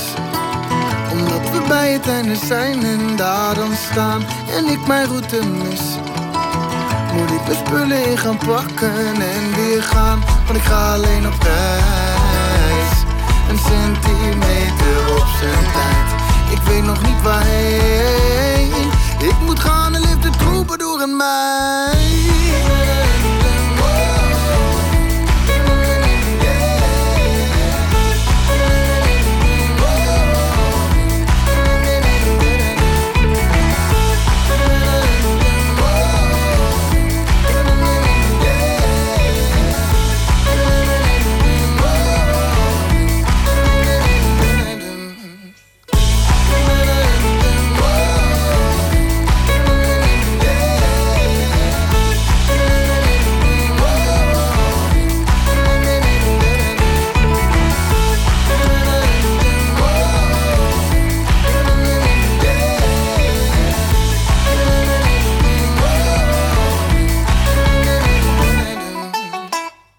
rubriek Open Kaart. En uh, hier is die Rob Dike, die dit ook zong. Alles gaat voorbij. 150 kaarten, hier zijn ze, met vragen daarop. En uh, Rob Dike werkte ooit als stratenmaker, ook een tijdje als vuilnisman. Maar alle tijd uh, was hij in zijn hoofd al bezig met de muziek en in zijn vrije tijd ook. En op een dag kwam het ervan en werd het zijn uh, echte carrière. Hij heeft samengewerkt met artiesten als Dio en Aquasi. En eerder dit jaar verscheen al een single Tikken van de Tijd. En dit is dan de EP. Allemaal Nederlandstalige liedjes. Alles gaat voorbij. Rob Dike, hartelijk welkom. Leuk dat je er bent. Nou, dankjewel. Leuk dat ik, uh, dat ik er ben. Hoe lang heb je als vuilnisman gewerkt? Oeh, uh, ik denk een jaartje of anderhalf, twee. Twee jaar of zo, denk ik. Ja, ik denk dat het ook wel het langst is van, het, van elk baantje dat ik uh, vast heb weten te, te, kunnen houden, zeg maar. Dus... Vast te weten te kunnen houden, daar klinkt bijna uit voort dat, ze, dat ze jou hebben laten gaan. Of uh, hoe noem je dat, omslagen? Ja, of, uh, of ik had het zelf wel weer zin in een volgende uitdaging. Maar ja, dat is ook wel eens gebeurd, ja. Hoe is het gekomen dat je uiteindelijk uh, fulltime muzikant bent geworden? Wat, wat was je grote break? Um, dat is Oerol geweest, denk ik. De Festival op de Schelling natuurlijk. Um, uh, Aquasi deed een, um, een muziektheatervoorstelling. Dat had hij zelf geschreven. En hij miste eigenlijk nog een persoon voor één rol. En hij dacht aan mij. En hij heeft me ooit horen zingen. En hij dacht... Misschien is dit wel het moment om hem te vragen of hij uh, of die hierin mee wil gaan. En uh, zo ging ik echt letterlijk van het moment van wat te doen met mijn leven... tot uh, een hoofdrol op Oerol, waar denk ik heel veel mensen graag willen staan. Dus dat, de switch was ineens, ging heel snel daarop, ja. ja. Sindsdien ben je muzikant. Je zit bij het Topnotch label, meestal bekend van, van rapartiesten. Ze doen, ze doen ook wel andere dingen, maar... Ja jouw muziek, dat, dat blijkt daar ook wel uit, is, is moeilijk te plaatsen. Er zitten heel veel verschillende invloeden in. Je, je hoort eigenlijk niet bij één deel van de Nederlandse muziek zien. Mm, nee, ja, dat, dat, dat, dat snap ik wel. Als mensen mij ook vragen, van, ja, wat is je muziekgenre? zeg ik ook, ja... Wat is een genre? Ja. ja, ik vind het heel, zelf ook heel moeilijk hoor. Maar als mensen dan zeggen, een beetje poppy, folk, country-achtig... dan, uh, dan lijkt me dat wel de, de makkelijkste oplossing om het zo te noemen. Ja. Terwijl je ook luistert naar, je werkt samen met rappers en je, je werkt samen met reggae-artiesten. Je, je gaat met iedereen de samenwerking aan. Ja. Ja, ik geloof ook dat je je absoluut niet moet uh, beperken tot een bepaalde genre. Maar iedereen heeft een, toch wel zo zijn lievelings... Uh, ja, kleur, lievelingsmuziek, lievelingskind. Uh, dat, en dat, dat heb ik ook. En ik ben ik word altijd erg blij van volk. Als alles wat een beetje een folk vibe heeft. En of dat nou een super oud Arabisch stuk muziek is. Of ik hoor een soort viking vibe van vroeger. Ja, dat interesseert mij. Omdat daar zit naar mijn gevoel zo'n oude geest in. En dat probeer ik eigenlijk losjes met een poppy manier. Want dat vind ik zelf leuk. Om gewoon toegankelijke liedjes te maken. Om, die, eh, om dat een beetje samen te drukken, zeg maar. Je woont uh, nog altijd in Deventer en daar ga je ook nooit meer weg, volgens mij. Nou, nooit, nooit. Uh, maar ja, het zou nu voor mij al logistiek gezien veel makkelijker zijn om, om in Utrecht te zitten of in Amsterdam. Maar uh, ja, we hadden het er net al over. Deventer is, is gewoon echt een prachtige ja, stad. Een prachtige stad, heel ja, mooi. En ehm, ik heb daar mijn familie, mijn vrienden. En uh, dat zijn toch wel dingen waardoor ik ben waar ik ben. Hè? Dat mensen het leuk vinden wat ik doe of hoe ik ben. En, en dat gecombineerd met muziek. Heb ik ook nu zoiets van, ja, ja waarom zou ik dat nu dan ineens... Mensen zeggen, oh, je moet naar Amsterdam. Zit je er middenin. En dan... Ja, misschien is dat waar. Uh, ik neem de treinritjes voor lief. Ik kom graag vier keer per week thuis. Dan je hebt gelijk. Ja. Laten we beginnen met uh, de vraag. Hier zijn ze. Ik wil je vragen om een uh, kaart te trekken en de vraag voor te lezen. Super random, hè? Ja. ja. Ben je goed in je werk? Um, ja, ik denk het wel. Um, ja, ik denk wel dat ik goed ben in mijn werk. Uh, Vooral omdat ik ook het, zo breed mogelijk probeer te doen. Dus ook uh, uh, in plaats van een liedje in je, op je deurmat krijgen... en nou die zing ik wel even... vind ik het ook echt leuk om het van, uh, van nul te maken. Dus met een gitaar beginnen en alle dingetjes daarin bij verzinnen. En um, ik zou mijn plaat wel een voldoende geven, dus ik zeg ja. Heel goed. Ja. Nou, ik ben benieuwd wat er hierop staat. Waardoor werd je in je werk belemmerd? Oh, dat is wel een leuke vraag. Uh, ik ben van een tweeling. En uh, wij zijn allebei te vroeg geboren. En eh, wat er bij mij is gebeurd is dat mijn linker eh, gehoor niet eh, tot niet goed is ontwikkeld. Dus ik hoor eigenlijk maar heel lichtelijk stereo. Dus ik ben eh, plat gezegd een dove muzikant. En daar heb ik zo mijn maniertjes in gevonden om daar goed mee om te gaan. Dus ook op podium, wie staat waar en welk geluid komt waar vandaan. Dus daar word ik wel eens in belemmerd. Maar daar heb ik wel mijn weg in gevonden. Interessant. Dus, dus als je soms dat, dat mooie effect hebt, wat je, wat je bij de Beach Boys of zo wel eens hoort van stereo-effecten, dat, dat ontgaat jou dan? Nee, dat ontgaat me niet hoor. Tegenwoordig heb je echt van die in-ear plugs. Je kan het wel zien. Kijk, dat gaat wel. En dan eh, is het heel dichterop. En dan, dan krijg ik dat gewoon mee. Hè. Bijvoorbeeld die effecten met een sirene die zo rondgaat. Dat, dat hoor ik dan wel. Maar in, de, in een gesprek. ehm, Heb je een goede kant en een minder goede dan, kant? is het niet, dan doet het gewoon niet zo goed als, eh, als het zou moeten zijn, zeg maar. Ja. Nou ja, het is niet anders. Ja.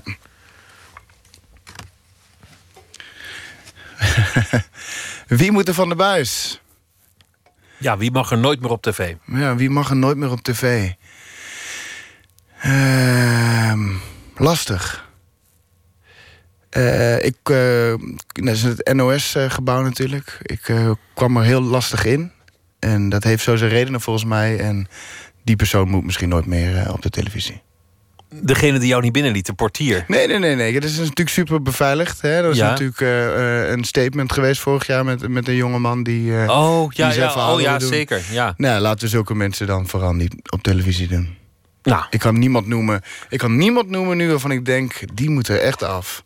Nou, dat pleit voor je. Nou, ja, voor de rest. Bij wie ben je in de leer geweest? Oeh, muzikaal gezien? Ja? Ehm, ja. Heb, je, heb je lessen gehad? Nee, nee, nee, überhaupt niet echt. Ik was 15, dat ik van 15, 16 toen ik van school afging. Ehm, ja, je les natuurlijk altijd. Hè. Je kijkt eh, af van mensen waarvan je denkt dat ze goed bezig zijn. Dat heb ik ook gedaan. Of dat nou clipjes op, op internet waren... of bij een Aquasi op podium, bij Gessel Meen op podium... of bij Dio, en, of de bassist of de gitarist... ehm, ja, vooral hierin, eh, ik ben al niet geschoold en ik wil wel heel graag leren. Dus dat is gewoon eh, praktijk pakken. En, eh, dus ja, ik heb eigenlijk van iedereen om me heen wel, wel iets geleerd. Door te imiteren leer je ook. Wie, wie imiteerde je in het begin, toen je, toen je als tiener net muziek ging maken? Hmm. Wie waren je voorbeelden en helden? Michael Jackson is denk ik wel, eh, is er wel één geweest. Dat vond ik heel sterk overkomen. Dat hele bewegen en dat, die Ja. pasjes. En, en ehm, nou, het grappige was Michael Flatley. Dat is een, een Ierse volksdanser eigenlijk. Die, eh, we hadden vroeger een, een, een videoband dat was van Lord of the Dance.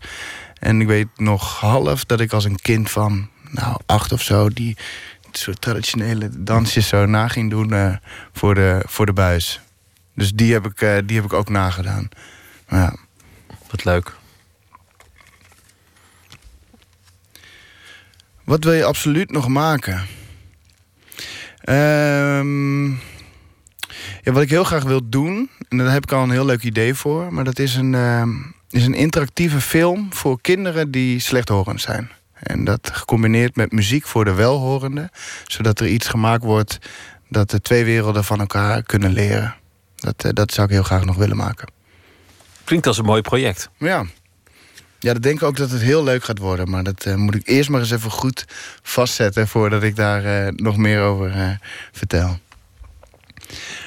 Ehm, wanneer heb je voor het laatste hard gelachen? Hmm. Moet ik even kijken. Ik heb gisteravond gelachen. Eh, ik heb bij een vriend geslapen. Wij speelden eh, dinsdag bij de Wereld Door. En ehm, dan blijf ik slapen bij vrienden in Amsterdam. Mijn tweelingbroer kwam net terug van vakantie. Dus iedereen was daar tezamen. En we hebben een soort van mensen erger je niet spel gedaan. Maar dan een iets nieuwere versie met kaarten. En ehm, ja, ik speelde samen met mijn tweelingbroer in een team. En het andere team die ging zo slecht. Daar werd toch echt op een ordinaire oude stijl vals gespeeld... met kaarten onder de tafel. En daar heb ik wel heel erg om gelachen. Omdat ik gewoon niet kon geloven wat er allemaal gebeurde. En, het was, dat was echt hilarisch. Ja. En dan toch nog winnen. Dus dat, dat, dat, eh, dat was echt een lachen moment. Zit je dan ook in één team met je tweelingbroers? Zijn jullie heel erg op elkaar afgestemd? Ehm, ja, ja, maar het is volgens mij sowieso als je een, een, een vriend hebt waarin je veel jaren zeg maar, samen doet. Uh, samen groep 1, samen groep 2, samen groep 3, samen eerste vriendje, eerst vriendinnetje. Uh, dan, dan, dan creëert dat sowieso al een band. En ja, bij ons was het natuurlijk al vanaf het eerste moment. we hadden dan wel ieder zijn eigen.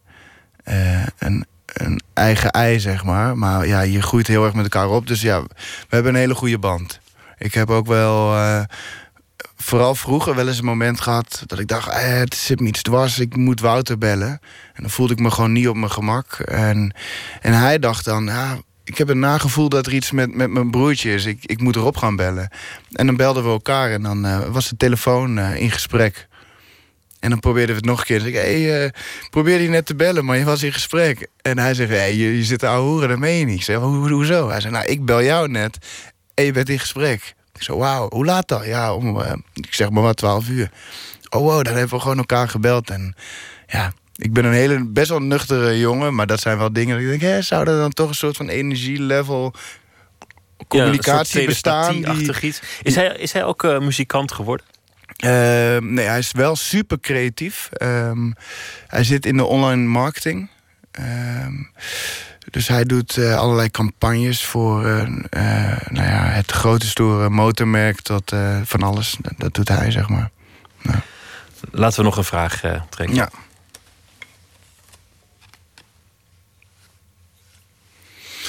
Wat is belangrijker, inspiratie of transpiratie?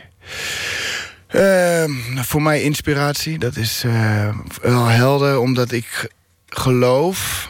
en daar hoef je volgens mij geen muzikant of schilder of iets voor te zijn. Dat inspiratie, daar draai je gewoon op. Dat is waarom je denkt... Uh, ik ga de volgende dag weer het bed uit.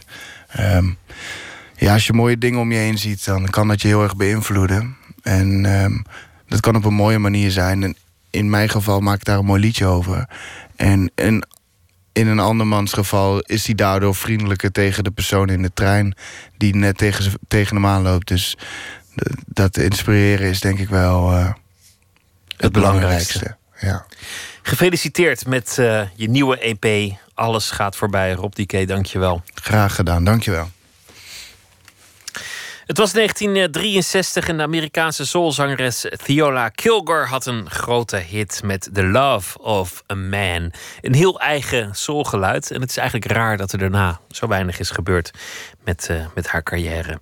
Het bleef bij die ene hit en die gaan we nu luisteren. The Love of a Man.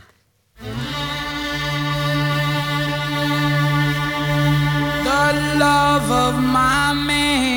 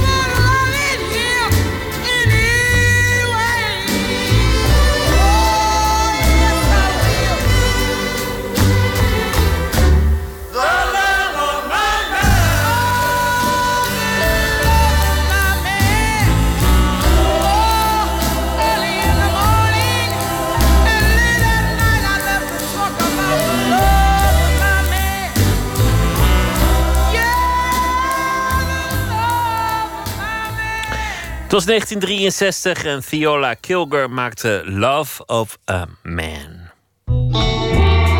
Nooit meer slapen.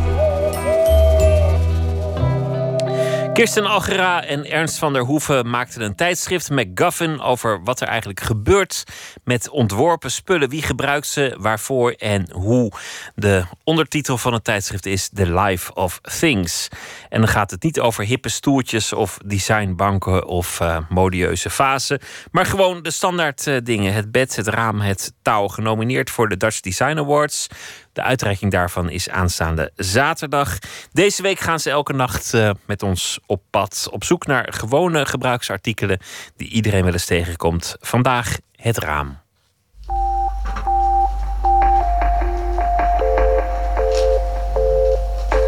Dit is het raam waar ik, uh, even kijken, 4 februari 2009 volgens mij, uh, waar ik uit ben gevallen. Moet je voorstellen, het is natuurlijk een, manshoog raam dat helemaal uh, open kan.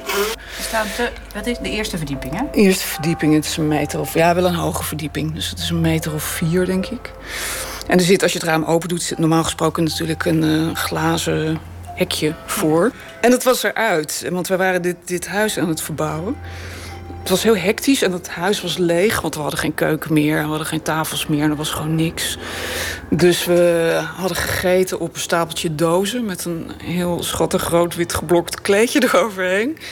En toen het klaar was, volgens mij hadden we Chinees gehaald of zo, want er waren ook geen pannen. Toen ben ik dat kleedje gaan uitkloppen en uh, hier naartoe gelopen.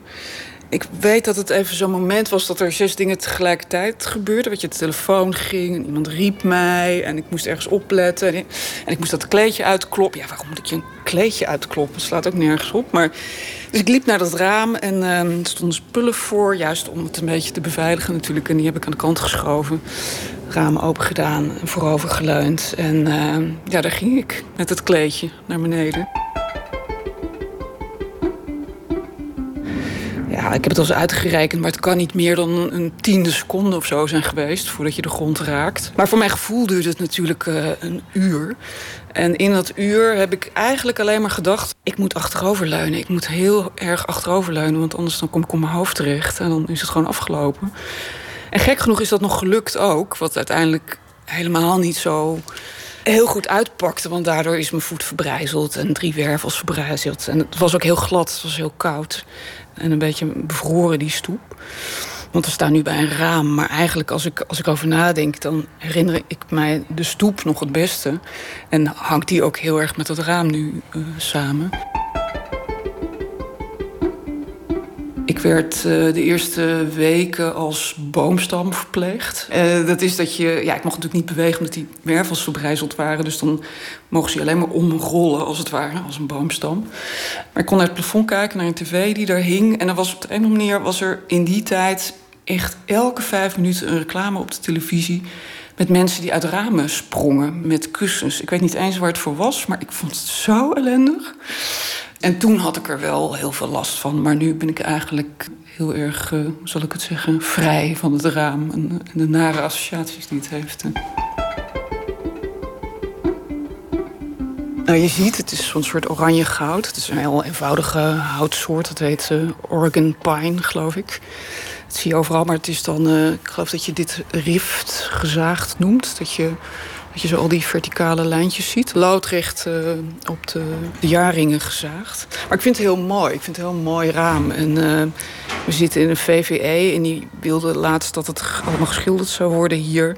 En die hadden toen bedacht dat het met een egale oranje verf zou worden geschilderd. Zoals, zoals je aan de overkant hier ziet. Waardoor het gewoon in één keer knaloranje is en je gewoon die nerf niet meer ziet. En ik heb me toen daar nog heel erg druk over gemaakt in de VVE-vergadering. Weet ik echt een soort pleidooi voor dit hout en voor dit, uh, dit type transparante lak. En toen dacht ik later van, nou ja, wat, wat een waanzin. Waar, waarom maak ik daar zo druk over? En toen dacht ik, ja, het is toch voor mij wel een bijzondere plek eigenlijk, dit raam. Het vorige nummer ging over, uh, over het raam. Dat was eigenlijk ook heel raar, want ik, wij waren al een aantal weken volgens mij aan het researchen. En we hadden het raam gekozen omdat we dachten van nou, het is wel mooi. In het eerste nummer hebben we het bed behandeld. En dat is natuurlijk heel erg een meubelstuk in huis. En nu moeten we misschien even de blik naar buiten richten en iets nemen wat net iets abstracter is als onderwerp. En waarbij het veel meer gaat over uh, ja, wat, wat voor een kader is zo'n raam wat gebeurt er allemaal in dat raam en buiten dat raam. En toen we daarmee bezig waren, toen we op een gegeven moment uh, met iemand uh, in gesprek waar we. Die zei van, goh, waarom hebben jullie dat onderwerp eigenlijk gekozen? Wat is je eigen band met dat raam? En toen zei ik uh, echt heel suf. Ik zei, nou, ik, ik weet het eigenlijk niet. Ik heb niet zo'n persoonlijke band met het raam. En toen zei Ernst, mijn collega, die zat ernaast... die zei, nou, volgens mij ben jij uit een raam gevallen, toch? Wat, wat, hoe, hoe persoonlijk wil je het hebben? En toen dacht ik, ja, ja, shit, ik, ik heb dat helemaal verdrongen. Ik heb het echt... Heb er niet meer aan gedacht. En toen opeens werd het natuurlijk wel een soort onderwerp. En ook iets wat uiteindelijk wel in dat tijdschrift terecht is gekomen. Alles is natuurlijk heftig en intensief geweest, uh, die val en de periode daarna. Maar daardoor toch ook wel weer heel bijzonder. Want het is gewoon de meest intense periode. Uh, en het zijn de meest intense momenten in je leven geweest. Er is niets wat in mijn hoofd zo uitgebeiteld eigenlijk staat als ja, sommige momenten in die periode. Maar het is heel gek dat je inderdaad dus een relatie met objecten kunt hebben die een beetje ondergronds is. Of die moeilijk is op de een of andere manier. En die pas veel later weer uh, naar boven komt.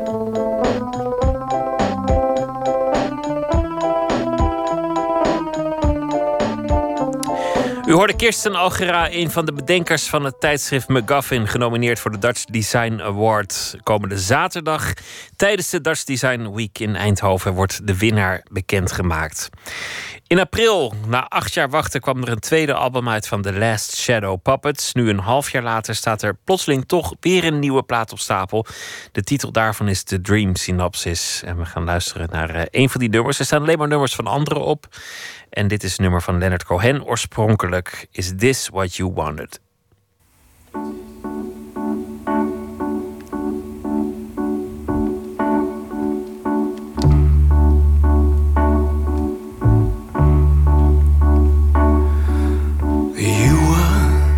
promise a dawn. I was the morning after.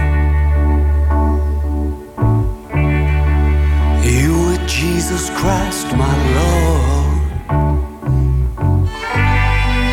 I was the money lender. You were the sensuous woman.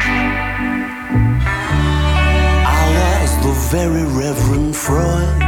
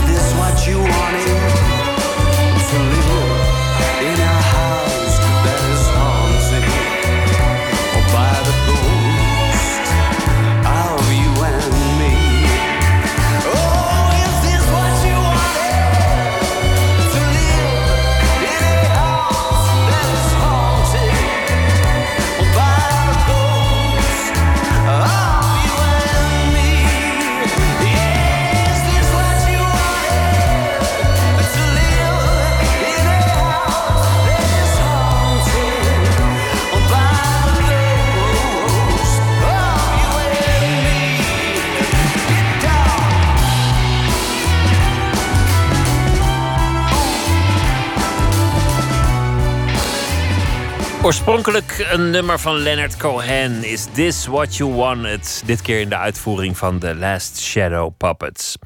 We eindigen met poëzie van dichter en schrijver Erik-Jan Harmens. Een van de eerste poetry slammers van Nederland. Gedebuteerd in 2003 met zijn bundel In Menigten. Hij heeft eh, vele andere bundels gemaakt. Laatst nog een bundel duetten samen met Ilja Leonard Pfeiffer. Deze week elke nacht een gedicht van zijn hand. En vannacht heeft hij een eh, gedicht uitgekozen met als titel Haar lied.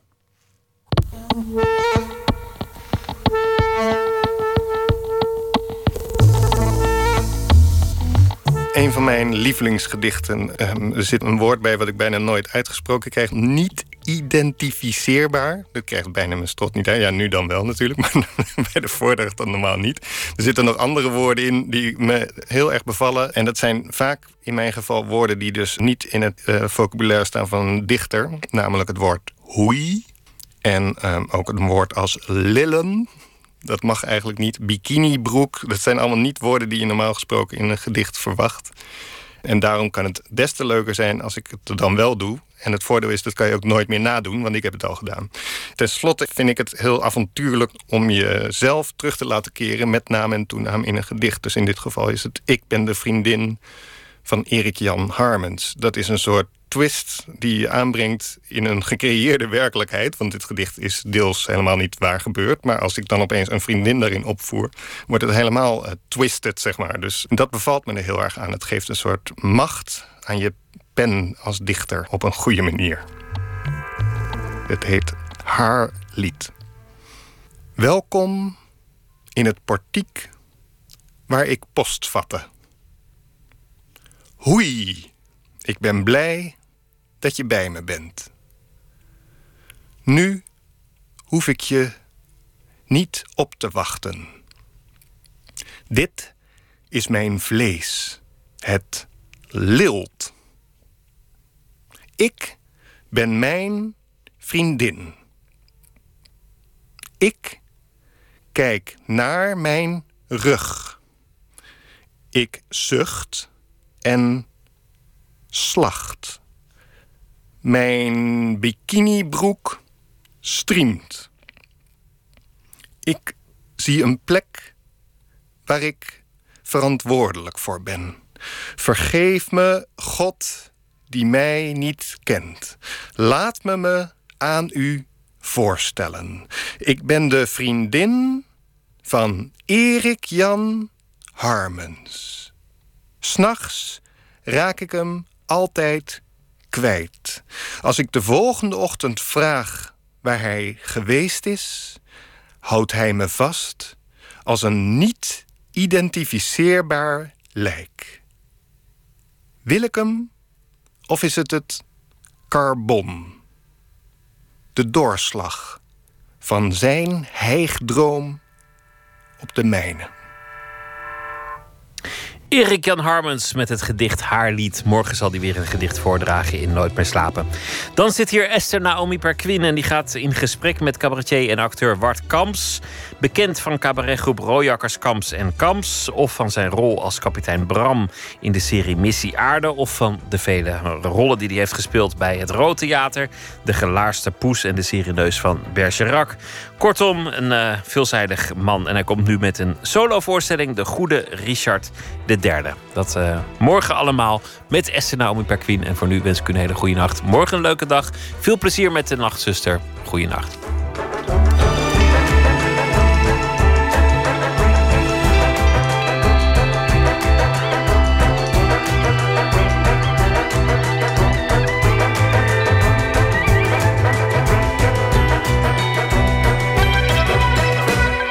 Op Radio 1, het nieuws van alle kanten.